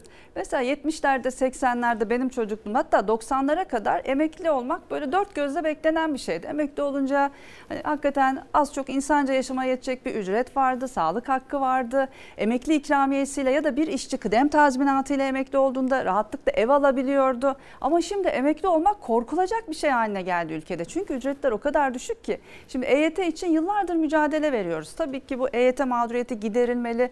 Bunun mücadelesini veriyoruz ama EYT düzenlemesi gündeme bir geldi. Hükümet bunu e, kapalı kapılar arkasına yapıyor. Yine bizlerle konuşmadan yapıyor. içeriğini? Hiçbir şey bilmiyoruz. Yani hani şimdi bir parantez açayım burada. Şimdi böyle olmaz. Böyle gerçekten ülke yönetilmez İlker Bey. Her konuda taşeron düzenlemesinden EYT bütün konularda çalışma hayatında taraflar var. Çalışma hayatı başka bir alana benzemez. Ben yaptım olduğuyla olmaz. İşçi var, işveren var, hükümet var. Dolayısıyla çalışma hayatındaki bütün düzenlemeler diyalogla, müzakereyle yapılmalıdır. Bir de Örneğin- sendikasızlaştırma çabası var. o zaten var. Yani mesela taşerona kadro verildi, verilen düzenleme yani çok büyük bir toplumsal sorundu değil mi taşeron meselesi? 2017 Aralık'ta devrim yapıyoruz dedi zamanın Çalışma Bakanı. Bir yasal düzenleme yaptılar, bir KYK ile yaptılar. Vallahi bir deli bir kuyuya taş attı 40 akıllı çıkaramıyoruz 6 senedir. Bir sürü sorun sıkıntı. Hala kadro alamayanlar var, 4 Aralık mağdurları var, %70'e takılanlar var. Var da var. Bir de bu 696 sayılı KYK'da zorunlu emeklilik koydular. Yani yaşı gelen, süresi dolan emekli olacak diye. Şimdi EYT düzenlemesi olduğunda kamuda bugün 696 sayılı KYK ile kadroya geçirildiği tırnak içinde söylenen kamuda belediyelerdeki işçi arkadaşlarımızın çok büyük bir kısmı binlerce insan bir anda zorunlu olarak emekliye sevk edilecek. Şimdi böyle bir şey olabilir mi? Bu anayasaya aykırı. Ama KYK olduğu için e, Anayasa Mahkemesi'ne götüremedik. Biz basın açıklamaları yaptık bütün Türkiye'de zorunlu emeklilik olmaz diye ve Bakan Bey aynı gün akşam bir televizyon kanalında evet bunu kaldıracağız dedi. Şimdi çünkü Türkiye'de emekli olmak korkulacak bir şey haline geldi. Şu an zaten asgari ücret ve civarında ücretle yaşam savaşı veren binlerce 696 sayılı KYK'lı işçi belediyelerde diğer kamu kurumlarında resen yani zorunlu olarak emekli olduğunda bağlanacak olan Aylık 3500-4000 lira bandında. Şimdi bununla geçinmek mümkün mü? Emekli olmaktan korkuyor bugün Türkiye'de insanlar. Bizim bir Nebahat teyzemiz var. Belki önümüzdeki günlerde yine kendisini yayına da alırız. Ee, geldi burada çalar saatte ağırladı kendisini. e, emekli ve şunu söyledi Arzu Hanım. 3500 lirayla geçinmeye çalıştığını, evlerinde peynir olmadığını, gitmiş bakmış peynir fiyatına Nebahat teyze pahalı bulmuş almamış. Tam bugün de böyle geçsin demiş. Yani emekli peynir alamıyor. Bir de peynir fiyatı da eti de geçti. Tabii, tabii. E peynir girmeyen eve et acaba nasıl girecek? Bu da başka bir e, tartışma konusu. Siz hani bir parantez açtınız, emekliye geçiş yaptınız. O zaman ben de o parantezi hazırladığımız haberle bir tamamlayayım. Ekranlarınıza emeklilerimiz, emeklilikte yaşa takılanlar, hani onların yaşadığı sorun çözülecek mi, çözülmeyecek mi? Bütçe görüşmeleri de devam ediyor. Gündeme gelecek mi yoksa e, Ocak ayında mı Türkiye Büyük Millet Meclisi'nin gündemine gelecek? Bunu e, konuşurken, tartışırken EYT'liler bir yandan da işten çıkarma kabusuyla karşı karşıya kaldı. Personel çıkartımı devam ediyor. Şu anda 110 ama toplamda 210'u bulacağı söyleniyor. Toplu bir işten çıkartma var. 110 kişinin yüzü EYT'li. Şirket küçülmeye gidiyor dediler, işten çıkarmalar başladı. Ama hesap daha inceydi. Şimdiye kadar işten çıkartılan 110 işçiden yüzü EYT'li. Yeni yılda tazminat yükü artmadan bazı işverenler EYT'lileri işten çıkarmaya başladı. EYT şartları dahi belli olmadı. Yani kanunlaşmamış bir şeyle ilgili. Sadece yılbaşından sonra kıdem tazminatına doğacak biraz daha işte fazla kıdem tazminatı ödeyecekleri için yılbaşından önce bu personeli çıkartma yoluna gittiler. Biz Aralık'ta meclise intikal ettireceğimizi kamuoyuna açıkladık. Çalışma Bakanı Aralık ayını işaret etmişti ama henüz EYT düzenlemesinden ses yok. Yasanın çıkacağına kesin gözüyle bakıldığı için işveren harekete geçti. Çalışan EYT'lileri koruyacak bir önlem yok. İşe devam etmeleri işverenin iki dudağı arasında. EYT çıkartılacak daha yasalaşmamışken e, şirketlerin bu yoluna gitmesi önüne kesilmeliydi. İşverenin inisiyatifine kaldı. Meclisin çalışma takvimi içerisinde sadece bu 5 ile 16 arasındaki dönem var Aralık ayının. Bu dönemde sadece bütçe görüşülecek. Bütçe görüşmeleri meclis EYT'yi gündemine almadan başladı. İstanbul'da özelleştirilen deniz otobüsü şirketi de Türkiye Denizciler Sendikası'nın iddiasına göre EYT'lileri işten çıkarıyor. Çünkü düzenlemeden sonra işten çıkardıkları takdirde milyonlarca lira daha fazla tazminat çıkacak şirketin kasasından. 99 öncesi olan çalışan arkadaşların tespitini yapmışlar. Bu arkadaşlar yılbaşından sonra zaten EYT hakkı doğuyor dediler. Şirketin bize söylediği bunu yılbaşı öncesinde yapmasında 20 milyon civarında bir kar elde ettiğini söyledi. Yani 20 milyondan e, arkadaşların ödemeyeceğini söyledi. KGF'den uygun krediyle işverenlerin yalnız bırakılmayacağı müjdesini aldık. Tazminatlar için hazine destekli kredi ve çalışan emeklilerin sigorta primine indirim işverene açıklanan müjdeler arasında. EYT'liler ise henüz takvimi bile bilmiyor. Süreç uzadıkça mağduriyet artıyor. EYT'yi isteyen taraf bizdik. Bugün mağdur olan taraf yine biziz. Maalesef yine işveren bu EYT'yi yine kendi amacına kullandı. Emeklilikte yaşa takılanlar Arzu Hanım bekliyor. Meraklı bir bekleyiş var. Bir tarafı da maalesef işsizlik. Şimdi e, biz grafiklerimizi anlatmaya devam edelim. Diskar'ın çalışması. Buyurun efendim. Evet EYT konusunda bir cümle söyleyeyim Lütfen. tekrar. Yani gerçekten EYT sorunu ciddi bir toplumsal mesele. Yıllardır bunun mücadelesini veriyoruz. Hem biz sendikalar olarak hem EYT dernekleri ve biz şu an iktidarı, hükümeti EYT konusunda yapmayı planladıkları düzenlemeyi şeffaf bir biçimde kamuoyunun gözü önünde bizlerle sendikalarla, EYT'lilerin dernekleriyle paylaşmaya ve olası sorunları daha yasa çıkmadan ortadan kaldıracak bir müzakereye çağırıyoruz. Çünkü daha sonra bunları düzeltmek çok daha zor oluyor. Tekrar söylüyorum. Taşeronda olduğu gibi. Taşeronda olduğu gibi. Çünkü hala örneğin taşeronda kadro alamayan binlerce insan var kamuda. Belediyelerde örneğin. Yani kaygınız yine bu mu? Tabii Hani ki kaygımız yine bu. Çünkü sorunun tarafı biziz. Yani çalışma hayatında müzakere esas olmak zorundadır. Eğer olmaz ve tek taraflı ben yaptım oldu diye yapılırsa düzenlemeler mutlaka bir dizi sorunu ortaya koyar. İşte taşeronda hala kadroya geçemeyenler var. Belediyelerde 500 binin üstünde taşeronda çalışan işçi arkadaşlarımız şu an belediye şirket işçisi hala taşerondalar. Oysa belediyelerde verilen hizmet de bir kamu hizmeti ve bu arkadaşlarımızın çok ciddi kayıpları var. Ek tediyeler vesaire gibi.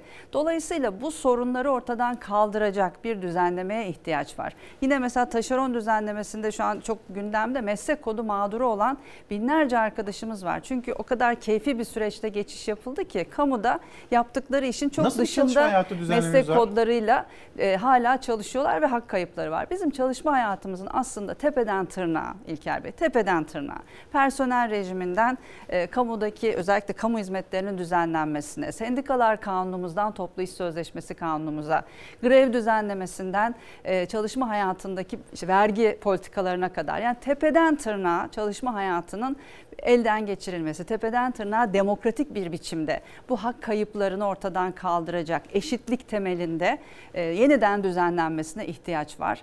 Bu gerçekten Türkiye'de çalışan, üreten milyonlarca insanın temel meselesi. Tek tek başlık başlık saysam, birini saysam öbürü eksik kalır. O kadar çok sorun var ki bunların hepsi düzenlenebilir, hepsi çözülebilir. Çünkü Türkiye artık saatler alır. Tabii ki yani Türkiye artık bir ücretliler toplumu haline geldi. %70'lerin 80'lerin Türkiye'sinde değiliz. Türkiye toplumunun dörtte üçü ücretiyle, emeğiyle hayatını sürdürüyor. Dolayısıyla çalışma hayatı son derece önemli ve çalışma hayatındaki bu sorunları gidermekte, bunun için mücadele vermek ve bu konuda adımlar atmak da hepimizin boynunun borcu. İşte burada konuştuğumuz mesele, şimdi asgari ücret kapsamını konuşuyoruz. Evet. Asgari ücret ve civarında %10 fazlası ücret alanların oranı Türkiye'de %50'ye dayandı. Şimdi bu nasıl oluyor? Yani niye bütün dünyada mesela Avrupa Birliği ortalaması %4?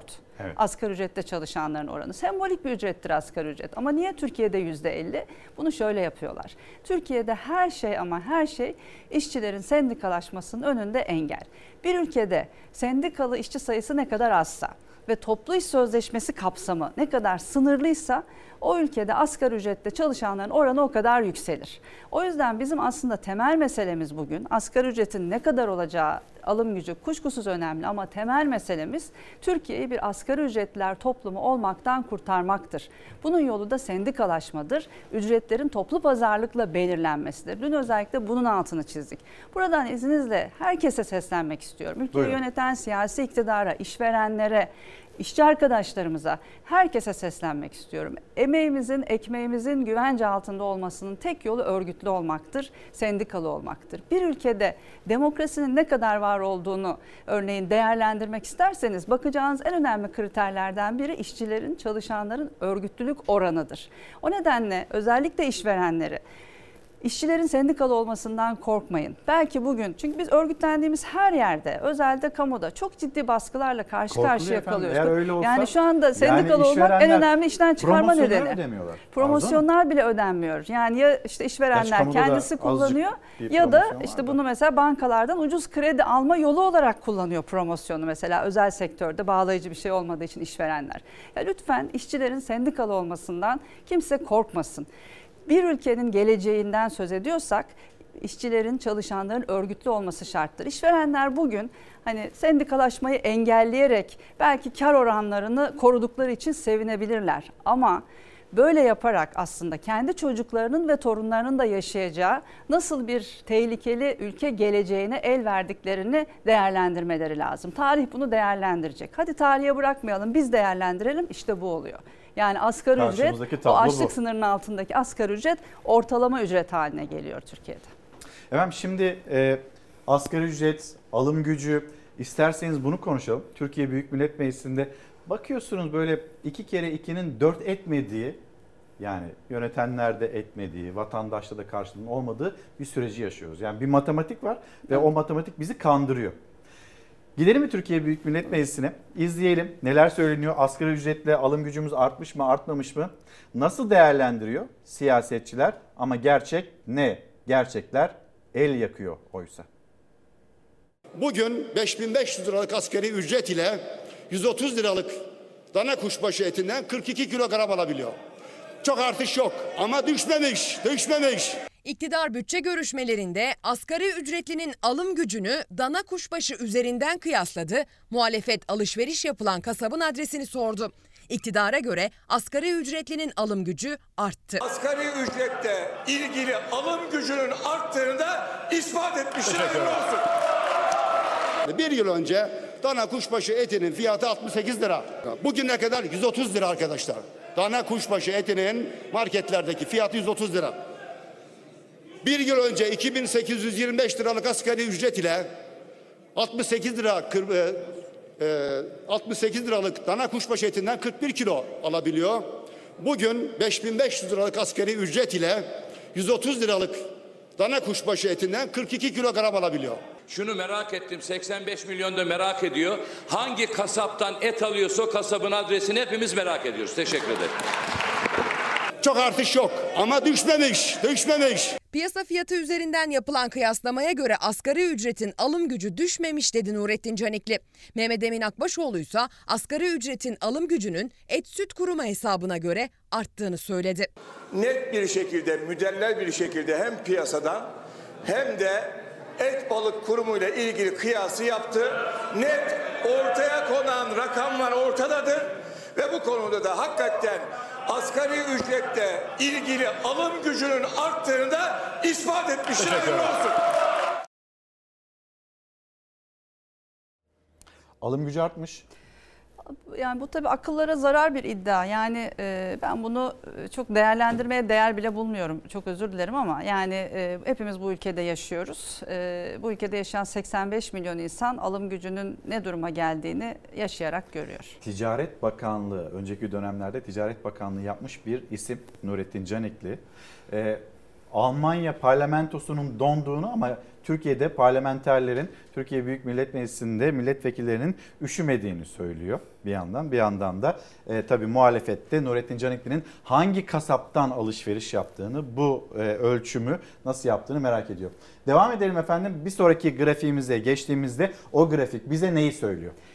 Şimdi özellikle tabii Türkiye'de asgari ücreti konuşuyoruz, ücretleri konuşuyoruz ama aslında özünde e, İlker Bey Türkiye'de bir bölüşüm meselesini konuşuyoruz. Evet Türkiye ciddi bir ekonomik krizin içerisinde. Özellikle 2018 yılında başlayan bir süreç bu. 2022 yılında artık yüksek enflasyonla e, bu iş en tavan noktasına geldi ve bu basitçe bir iş bilmezlik, beceriksizlik, ülkeyi yönetenlerin e, hani beceriksizliği falan değil. Çok açık tercihlerin bir sonucunu yaşıyoruz. Çünkü özellikle son Bilinçli dönemde tercih mi diyorsun? bilinçli tercih özellikle son yıllarda Türkiye ekonomisinde bir tercih yaptı iktidar. Tümüyle Türk lirasının ucuzlatılması ve emeğin Ucuzlatılması. ucuzlatılması, baskılanması üzerine kurulu bir büyüme politikası izleniyor. İşte Türkiye ekonomisi şu kadar büyüdü, bu kadar büyüdü. En son 3. çeyrek rakamları 3.9'du. Ondan önce 7.6 idi ikinci çeyrek. Ama bu öyle bir büyüme politikası ki tümüyle emeğin ucuzlatılması, ücretlerin baskılanması üzerine kurulu. Bu da bize şöyle bir sonuç ortaya çıkartıyor. Ürettiğimiz toplam değerden yani buna gayri safi yurt içi hasıla ya da milli gelir hepimiz çalışıyoruz, üretiyoruz. Ve ürettiğimiz toplam değerden emeğin aldığı pay giderek düşüyor. Bir tane rakam bize bunu çok açık bir biçimde söylüyor. Toplam ürettiğimiz değerden, milli gelirden emeğin aldığı pay çok değil. 2 yıl öncesiyle kıyasladığımızda %37'den bugün %25-26'lara düştü. Ve bu açıdan baktığımızda da bir ortalama ücret haline gelmiş olan asgari ücretin kişi başına milli gelire oranı da yıllar içerisinde böyle aşağıya doğru e, inen bir grafik çiziyor. 70'li yıllarda kişi başına milli Devam gelir. edebiliriz Savaş bu arada. Yani 70'li yıllarda asgari ücretin kişi başına milli geliri oranı %80'di. Yani kişi başına milli gelirin %80'i kadar bir asgari ücrete sahipti. Asgari ücrette çalışanlar kazanıyordu. Ama bugün bu oran %43'e düştü yarı yarıya. Bu çok dramatik bir gerileme. Yani çalışıyoruz, üretiyoruz. Hepimiz 24 saat birçok iş, iş yerinde, iş kolunda. Nöbetlerde, gece vardiyalarında 24 saat çalışıyor bu ülkenin işçisi, emekçisi, kamu çalışanı. Hepimiz çalışıyoruz, hepimiz üretiyoruz. Ve bu çalışma ve bu emek üzerinden Türkiye büyüyor. Ama büyümeden payını alamayan ücretler var. İşte 1974'te 74'ten yine 2022'ye. gayri safi yurt içi hasılanın asgari ücret oranı %80 iken şu anda %43'e gerilemiş durumda. Yani emeğin payı, çalışanların payı giderek düşüyor. Emeğin kaybettiğini de sermaye kazanıyor. Sermayenin payına bakıyoruz. Orada da ciddi bir yükseliş söz konusu. Bu aslında çok açık bir biçimde tercihlerin sonucu. Yani bu ülkede hani sorun çok, sorun konuşuyoruz. Hakikaten ciddi bir yönetim krizi var, ekonomik problemler var ama çözüm de var. Umut çok fazla var. Yani bu ülkenin insanların ürettiği değerler, bu ülkenin tüm değer üretilen değerleri, güzellikleri, insanların, işçisinin, emekçisinin, kadınlarının, gençlerinin bütün birikimleri bu ülkenin 85 milyon insanını insanca yaşatabilecek e, birikime, değere sahibiz biz. Yeter ki bunu adil bir biçimde paylaşabilelim. Bu rakamlar bölüşümdeki krizi yani bunu Korkut Hoca şey diye anlatıyor. Türkiye tarihinin görmediği en büyük bölüşüm krizi, bölüşüm şoku diyor hatta yaşıyoruz. Bugün temel mesele bu tercihler. Bu tercihleri değiştirmemiz lazım. Gelir dağılımındaki adaletsizlik işte 1974 yılından 2022 yılına kadar ne kadar ilerlemiş? Arzu Hanım buna dikkat çekerken bir yandan da çalışıyoruz, üretiyoruz, alın teri döküyoruz. Ama markete gittiğimizde, çarşı pazara gittiğimizde bir alım gücü e, sorunu yaşıyoruz. E şimdi e, bir de marketler hani suçlu gösterildi. Daha fazla ceza onlar yapıyorlar. Suçlu marketler mi değil mi? Yoksa bu gündem içinde sabun köpüğü bir tartışma, polemik başlığı mıdır? Onu da size danışmak istiyorum, sormak istiyorum. Hemen bir haberimiz hazır. Ekranlarınıza getirelim. Ondan sonra konuşalım.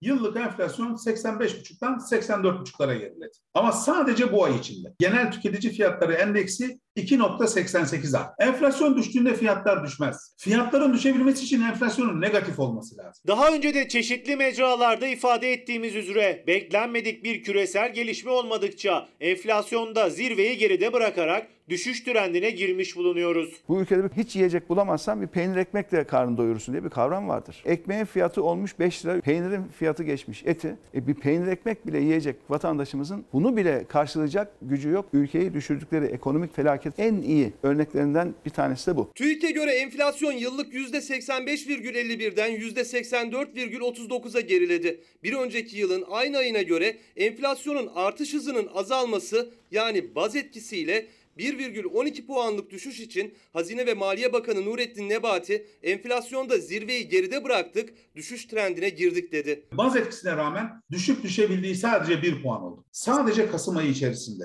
tereyağı %17.58 artmış. Peynir %15 artmış. Şu rakamlara bakınca Türkiye'de enflasyon açısından sevinilecek bir durum olduğuna inanıyor musun? Önümüzdeki aydan itibaren etkisini gösterecek olan baz etkisiyle de enflasyondaki düşüş eğilimini daha keskin hissetmeye başlayacağız. Nebati Bakan demek istiyor ki ya fiyat artış hızı biraz yavaşladı. Yani fiyatlar artmaya devam ediyor. Geçtiğimiz yılın Kasım ayında enflasyon artışı %3,51'di.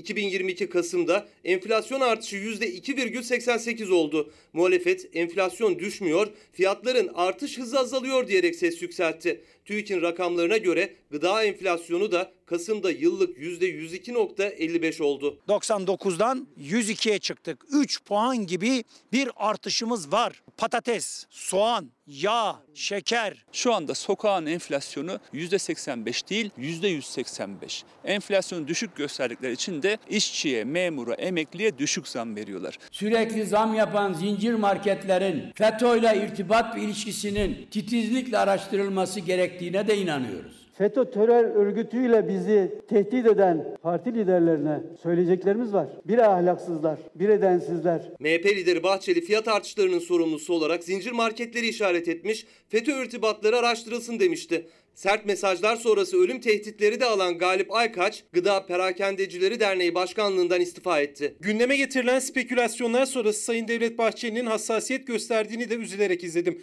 Maksadım asla kendisini kırmak değildi. Kusura bakmasınlar lütfen. Türkiye'de kargas etin fiyatını kim belirliyor? Sütün fiyatını kim belirliyor? Süt alım fiyatını? Hükümet. Bunların hepsine zam gelmiş durumda ama marketler o fiyata sattığı zaman da vay bu marketler düşman. Ulu orta herkese çemkirirken bundan sonra biraz daha dikkatli olur artık. Bu hadsizi Tarım Bakanı olarak önerenler de utanır umarım. Muhalefet fiyat artışlarından iktidarı sorumlu tutarken suçun marketlere yıkmak istiyorlar derken Gıda Perakendeciler Derneği Başkanlığından istifa eden Galip Aykaç'ın 2018 yılında Tarım Bakanı yapılmak istendiği ortaya çıktı. AK Parti MKYK üyesi Şamil Tayyar da Aykaç'ın Tarım Bakanı olarak önerildiğini doğruladı. 2018 yılında Tarım Bakanı olarak düşünülen kişi 2022 yılında işte bu marketlerle ilgili gelen eleştirilerden sonra şimdi hani feci kötü kişi ilan ediliyor. Edilebiliyor. Peki bu pahalılığın sorumlusu marketler mi? Kuşkusuz değil. Yani yaşadığımız bu pahalılığın, bu enflasyonun, Türkiye ekonomisinin geldiği durumun sorumlusu ülkeyi yönetenlerdir. Hangi partinin olduğundan bağımsız bir biçimde bunu söylüyorum. Bir ülkede temel ekonomik politikayı belirleyen, temel tercihleri belirleyen, ücretleri belirleyen, vergi politikalarını belirleyen, bütçenin nasıl kullanılacağını belirleyen, neyin üretileceğini, nasıl üretileceğini, üretilenin nasıl paylaşacağını belirleyen ülkeyi yöneten siyasi iktidardır. E, Cumhurbaşkanı hükümettir. söyledi. Yani Ee, ekonomistim ben dedi. e, tabii yani o ekonomi bilgisinin sonuçlarını şu anda yaşıyoruz. Yani temel örneğin gıda maddelerinin fiyatlarını işte eti, sütü ve sütü örneğin hükümet belirliyor. Birçok şeyin işte tarımdaki durumu belirleyen hükümet politikaları. Yani şunu söylemeye çalışıyorum. Ee, ülkeyi yönetmek ciddi bir iştir. Bir ülkeyi yönetmeyi e, bu sorumluluğu almışsanız ülkeyi yönetmek demek, hükümet olmak demek sadece öyle 3-5 şirkete ihale vermek, ihaleler yapmak demek değil. Ya da ülkeyi yönetmek demek işte belli yerlere bürokratlar atamak hatta bazı bürokratlara üçer beşer maaş vermek demek değil. Ülkeyi yönetmek demek o ülkede yaşayan 85 milyon insanı insanca yaşatacak ekonomik koşulları, toplumsal koşulları yaratmak, bunu sağlamak, emeklisine, çalışanına, gencine, çocuğuna, kadınına, erkeğine insanca yaşatabilecek bir ülkenin bütün olanaklarını sağlamak demek. Kaldı ki demin söylediğim gibi bizim ülkemizin birikimi, değerleri bunu yapmaya fazlasıyla yeterli. Ama tercihler başka türlü kullanıldığında Türkiye'de düzen, Türkiye'de sistem maalesef sürekli olarak zengini daha zengin, yoksulu daha yoksul yapan bir düzen. Çarklar sürekli böyle çalışıyor. Biz aslında asgari ücreti konuşurken de bunu konuşuyoruz. Yani biraz önce söylediğim o ürettiğimiz değerden aldığımız payın giderek düşmesi emekçiler olarak, çalışanlar olarak bu politikaların sonucu.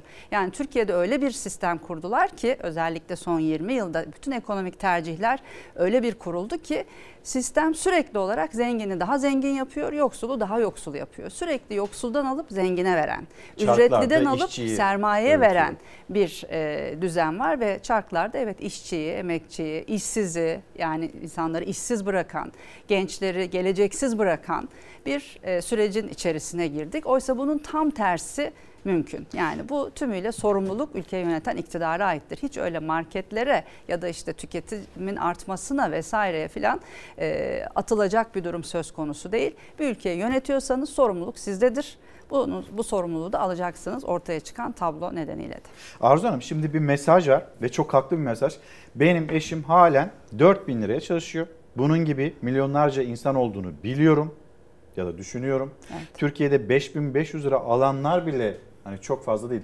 SSK için, hani sigorta için sesimizi çıkartmıyoruz ama bizim evdeki durum bu diyor. Muhtemelen bu mesajı yazan bir erkek değil Evet. mi? Erkek bir izleyici. Çünkü kadınlar e, her yaşamın her alanında kadınlar olarak yaşadığımız eşitsizlik ve ayrımcılığı ücretlerde de yaşıyoruz. Çalışma hayatında da yaşıyoruz ve Türkiye'de biz asgari ücreti konuşuyoruz ama asgari ücrete dahi ulaşamayan milyonlar var Türkiye'de. Özellikle kayıt dışı çalışmanın %30'ların üzerinde seyrettiğini düşünürsek bugün kayıt dışı çalışanların Türkiye'de dörtte üçü asgari ücrete bile ulaşamıyor. Kadınlar hani ortalamasını asgari ücretin %50 dedik. Kadınlar çok daha yüksek oranda. Kadınların %60'ından fazlası asgari ücrette çalışıyor ve kadınların önemli bir kısmı kadın işçilerin asgari ücret dahi alamıyor. Dolayısıyla e, Türkiye'de asgari ücretin düşüklüğünü konuşurken aynı zamanda asgari ücrete bile ulaşamayan milyonlar olduğunu ve bunun da önemli bir kısmının kadınlar olduğunun da altını çizmek lazım. Oysa Aynı asgari ücret minimum Ama ücrettir. kadın Tabii, ya aynı çalışma hayatına yapıyor. dahil Tabii. edilmiyor ya daha az maaşa razı edilmeye çalışılıyor. Tabii biz bu ayrımcılığı kadınlar olarak daha işe alım sürecinden başlayarak yaşıyoruz. Yani bir işe iki kişi başvurdu, bir erkek, bir kadınsa her zaman erkek olan tercih ediliyor. Kadınların özgü işler olarak tarif edilen, kadınlar olarak bizim üzerimizde olan çocuk bakımı, yaşlı bakımı, ev işleri gibi işler toplumsal bir bakış açısıyla ele alınıp kadınların üzerinden alınmadıkça zaten çalışma hayatına katılma şansımız da yok.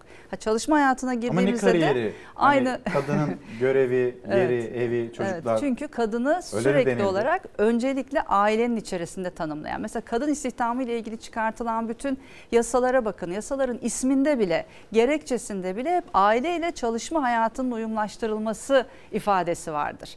Yani hep kadınlar öncelikle aile içindeki görevlerini yerine getirecek. Ondan sonra bir ek iş olarak mesela kadının eve getirdiği gelir, kadının kazancı hep ek gelir olarak değerlendirilir ve her zaman da kadınlar aynı işi yaptığı erkeklerden daha düşük ücrette, daha olumsuz koşullarda çalışmaya mahkum ediliyor. Oysa biz bütün çalışma hayatında eşitlik temelinde eşit işe, eşdeğer işe, eşit ücreti alabildiğimiz bir çalışma hayatının da mücadelesini veriyoruz kadınlar olarak. Arzu Hanım şimdi e, elimizde iki grafik var. O grafiklere geçmeden önce o grafiklerden bir tanesi vergi dilimi. Buradaki adaletsizlik, Evet. haksızlık. E, sonra hani bu başkanlık sistemi Türkiye'ye uydu mu, çalışma hayatına nasıl yansıdı? Onu da size sormak istiyorum. Fakat yine önemli bir konu. E, virüs hani hayatımızda çalışanları etkiliyor, evimizi etkiliyor, çocuklarımızı etkiliyor, hepimizi etkiliyor E, ve daha fazla böyle dolaşım halinde. Buna dair notumuz da var. Çalar Saat'te bu haberlerimizi ekranlarınıza taşıyalım. Sonra böyle geniş geniş konuşalım bu vergi dilimini özellikle. Çok mu hastasın Mert? Evet. Neyin var? Ateşim var. Bakayım. Gerçekten ateşim var. Covid-19 e, virüsü de e, genel viral üst solunum yolu enfeksiyonlarının arasına katıldı. E, grip vakaları ya da nezle vakaları e, bu dönemde Covid-19'da dahil olmak üzere tamamen yaygınlaşmış halde. Ağırlıklı kısmı viral enfeksiyonlar. Yani bunlar içerisinde influenza tabii en çok bizim bizi yoran, bizi uğraştıran.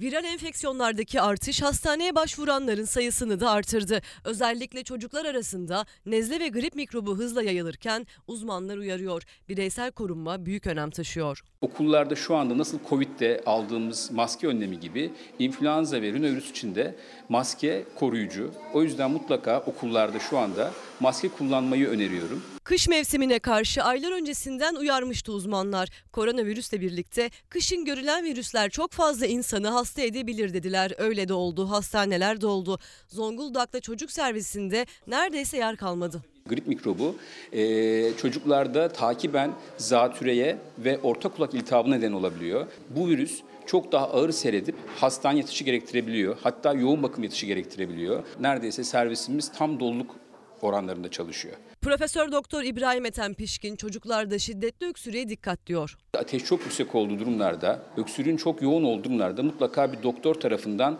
değerlendirilmesini öneriyoruz. İstanbul Üniversitesi Tıp Fakültesi'nde de çocuk poliklinikleri çok yoğun. Çocuk kliniklerinde ya hastaneye yatması gereken çocuk sayısında bir artış var.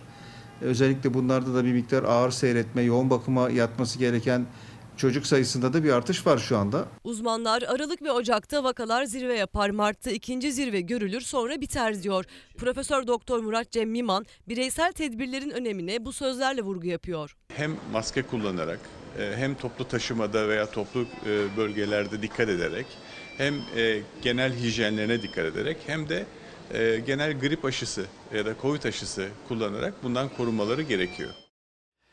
Bireysel tedbirlerin önemini bir kez daha hatırlatmak istedik. İzleyicilerimiz ortalık yangın yeri hem günaydın diyorlar hem de bir yandan gerçeklerin ne kadar el yaktığını söylüyor. İzleyicimiz Arzu Hanım gerçekler el yakıyor da kim görüyor ki acaba mesajını paylaşmış. Instagram'dan bize günaydın diyen izleyicilerimize de selam verelim. Gülseren Hanım Sakarya Sapanca'dan günaydın diyor. Arabamızla gezmeyi unuttuk. Böyle haftada bir kez iki kez pazara gidiyoruz. Hani bize de yük olmasın diye büyüklerimiz, emeklilerimiz gerçekler el yakıyor ve her gün daha zor geçiyor. Sevinç Hanım da bunu göndermiş. Bir başka gerçek vergi dilimi, çalışanın üzerindeki o vergi yükü ne dersiniz? Bu kalkar mı, biter mi acaba bir gün? Tabii ki kalkar. Yani bu son derece basit bir düzenleme ile ilgili Ama öyle bir değil mesele. dedi Sayın Nebati. Dışarıdan göründüğü gibi değil. 200 milyar liralık maliyeti var dedi. Şimdi bu tür konular yani EYT gibi çalışanların üzerindeki vergi yükü gibi bütün bunlar e, böyle maliyet hesabına konu yapılabilecek şeyler değil. Yani son derece gerçek bir durumu konuşuyoruz çünkü. Hani gerçekler el yakıyor demişsiniz yani gerçekler e, zaten hepimizin hayatının içinde. Şimdi vergi konusu gerçekten Türkiye'de en önemli sorunlarımızdan bir tanesi çalışma hayatında ve çok ciddi bir vergi düzenlemesine ihtiyacımız var. Biraz önce söyledim ya Türkiye'de düzen sürekli olarak zengini daha zengin, yoksulu daha yoksul yapıyor. Vergi sistemimizde bunun bir aracı. Türkiye'de çok adaletsiz bir vergi sistemi var. İddiayla söylüyorum dünyanın en adaletsiz vergi sistemlerinden bir tanesi Türkiye'de. Birincisi bu dolaylı vergi dediğimiz konu. Yani en zenginin de en yoksulun da ödediği, eşit oranda ödediği vergi. İğneden ipliğe her şey ödediğimiz. Bir kere bu başlı başına bir sorun ve Türkiye'de devletin vergi gelirlerinin üçte ikisi, dünyanın hiçbir ülkesinde böyle bir şey yok, dolaylı vergi. Yani hakikaten vergiyi bir bütün olarak halkın üzerine yıkan bir konu, e, bir tablo var.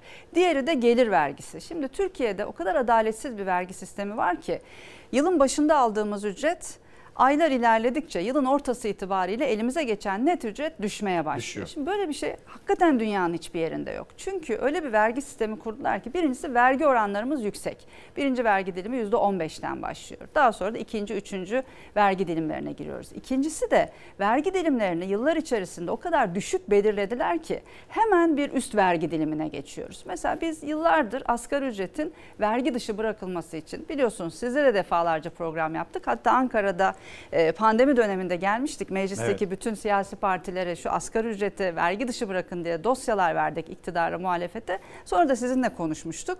E, Evet bu konuda sonunda bir adım atıldı. Diskin söyledikleri böyle bir süre sonra hani toplumsal bir büyük bir kabul gördüğü için de adım atmak zorunda kalıyorlar. Ama asgari ücretten sonra vergilendirme sistemi o kadar adaletsiz ki ve vergi dilimlerini o kadar düşük belirliyorlar ki hemen bir üst vergi dilimine. Yani daha Nisan'da Mayıs'ta bir üst vergi dilimine, Ağustos'tan sonra üçüncü vergi dilimine giriyoruz ve yılın başında aldığımız ücret yılın sonunda Kuşa kuşa, dönüyor. Mesela biz şöyle bir hesaplama yaptık. 10 bin lira brüt geliri olan bir işçi arkadaşımız Ocak ayında 637 lira vergi ödüyor. Aralık ayında ödediği vergi ve kesinti toplam 2300 küsür liraya çıkıyor. Yani yılın başında çalıştığımız her 5 saatin 1 saatini vergi ve kesinti olarak çalışıyoruz. Yılın yarısından sonra çalıştığımız her 3 saatin 1 saatini vergi dairelerine ve sosyal güvenlik kurumuna çalışıyoruz. Böyle bir Yani durum söz çalışanı konusu. vergi dairesi gibi gören sistem Evet var. yani hep şunu söylüyorlar ya vergiyi tabana yayacağız. Ya zaten Türkiye'de vergi tabanda yani hani tam tersine vergiyi tavana yaymak lazım Türkiye'de. Yani az kazanandan az, çok kazanandan çok vergi alınan faizin, rantın, karın vergilendirildiği bir vergi sistemine Bu ihtiyaç var. Şimdi bu tercihlerden dolayı yapılmıyor. Dedim ya emekten alıp sermayeye veren, ücretliden alıp sermayeye veren, yoksuldan alıp zengine veren. Şimdi kur korumalı mevduat bir gecede sermayenin vergi borçlarının sıfırlanması, vergilendirilmeyen çok büyük kazançlar. Bütün bunlar yani yine yine dünya ile örnek vereceğim. İş- İşçiyle patronun aynı oranda vergi verdiği bir ülkeyiz biz. Yani 5-6 bin lirayla geçinmeye çalışan, 6-7 bin lirayla geçinmeye çalışan bir işçiyle milyon dolarlar kazanan patronu aynı oranda vergi veriyor. Hatta patronlar bazen vermiyor da işte gece yarısı vergileri sıfırlanabiliyor. İşsizlik fonunu işçiden daha çok patronlar, kullanıyor. Patronlar kullanıyor. Şimdi bu da bir tercihin göstergesi işte. Yani işsizlik fonu ne için var? İşçinin kara gün dostu diye ifade edilir. Yani işsiz kaldığımızda başımıza bir iş geldiğinde en azından hayatımızı sürdürebilelim diye. Çiftçinin Zaten kara gün dostu yok ortada. İşçinin kara gün dostu yok ortada. Bunların hepsi işte sosyal devlet. Yani bunların hepsi bir Ama sosyal sosyal politika. Anayasa ikinci maddemiz Türkiye Cumhuriyeti demokratik, layık, sosyal bir hukuk devlettir. Ne güzel yazmışız. Nerede sosyal devlet? Bu vergi sistemiyle bir sosyal devlet olur mu? Hani dedim ya vergi dilimleri. Kim belirliyor vergi dilimlerini? Ya kim belirliyor? Yani oturuyorlar Maliye Bakanlığı, hükümet vergi dilimlerini belirliyor. Ben yaptım oldu. Birinci vergi dilimi. iki, bu yıl için konuşalım. 32 bin lira. Evet. Biz 32 bin liranın 1 lira üstüne çıktığımızda bir üst vergi dilimine çıkıyoruz. Oysa bu vergi dilimi örneğin yeniden değerleme oranı denilen artık hepimiz öğrendik. Devletin işte bütün cezalar, harçlar vesaire için Enflasyon. belirlediği oran. Şimdi yeniden değerleme oranı olarak e, oranında artırılmış olsaydı 20 yılla kıyasladık. 2002-2022 kıyasıdır bu. Yeniden değerleme oranına göre artırılmış olsaydı birinci vergi dilimi 32 bin lira değil 81.689 lira olacaktı. Yani biz 82 bin lira kazandığımızda bir üst vergi dilimine çıkacaktık. 32 bin lira kazandığımızda değil. Veya asgari ücret hani şu kadar artırıyoruz bu kadar artırıyoruz diyorlar ya. Asgari ücret artışına göre artmış olsaydı 20 yıl içerisinde birinci vergi dilimi 32 bin lira değil 109.737 lira yani 110 bin lira kazandığımızda biz bir üst vergi dilimine çıkacaktık. Hızlı hızlı vergi alalım. Yani şimdi mesela yeniden Kaynak değerleme lazım, oranıyla hesaplarsak kaynak. yani 82 bin lira geliri olan bir insan şu an 3. vergi diliminde. 3. Oysa eğer yeniden değerleme oranı da olsaydı daha ikinci vergi dilimine çıkmış olacaktık. Dolayısıyla bizim söylediğimiz şey şu. Vergi oranlarını düşürmek zorundayız. Yani asgari ücret sonrası ilk vergi dilimi %10'a düşürülmeli ve vergi dilimleri, vergi dilimi tarifeleri de yeniden değerleme oranı ya da asgari ücret artışı ya da gayri safi yurt içi hasıladaki artış oranında artırılmalı ki hemen bir üst vergi dilimine çıkarak aldığımız parayı bir anda e, kaybetmeyelim. Gerçekten Türkiye'de adaletli bir vergi sisteminin kurulması son derece önemli. Hep söylüyoruz vergide adalet olmadan gelirde adalet olmaz. O yüzden de vergi politikalarının çok kökten, bütünlüklü bir e, dönüşüme ihtiyacı var. Son derece mümkün. E, bununla Ama ilgili Sayın Nebati duyarsa bu, mı? bu bir, bu bir. Tabii Sayın Nebati veya e, Sayın demin de söyledim. Evet tabii yani öyle bir hale geldi ki Türkiye'de tabii her şey yeni rejim, yeni sistemle beraber Cumhurbaşkanlığı hükümet sistemiyle birlikte aslında hani mesela asgari ücreti konuşuyoruz ama hani asgari ücret tespit komisyonu toplanıyor ama Cumhurbaşkanı karar veriyor. Çünkü daha Cumhurbaşkanlığı e, hükümet sistemine geçer geçmez 2018'de bir numaralı Cumhurbaşkanlığı kararnamesinde ilk yapılan işlerden bir tanesidir. Asgari ücret tespit komisyonu doğrudan Cumhurbaşkanına bağlandı. Çünkü önemli bir mesele bu. Seçim içinde. Tabii. Şimdi başkanlık sistemi dediniz ve başkanlık sistemi acaba Türkiye'ye uydu mu, uymadı mı? Başkanlık rejiminde ülke ve çalışanlar kaybetti diyorsunuz. Nerede yaşandı o kayıplar? Bu tablo çok çarpıcı. Hemen e, başkanlık rejimine geçiş öncesindeki referandum sürecine gitmek istiyorum.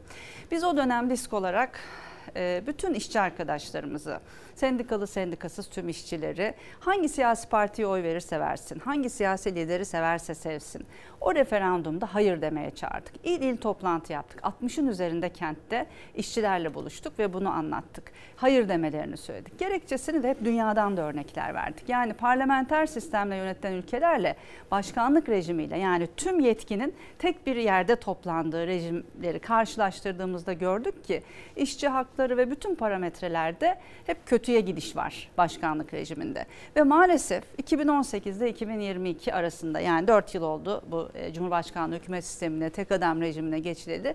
İşte rakamlar ortada. Örneğin 2018'de enflasyon %15'miş şu anda %84. Gıda enflasyonu işte konuştuk 18'lerden %102'ye çıktı. Dolar kuru 4.8'miş valla ben bile hatırlamıyordum.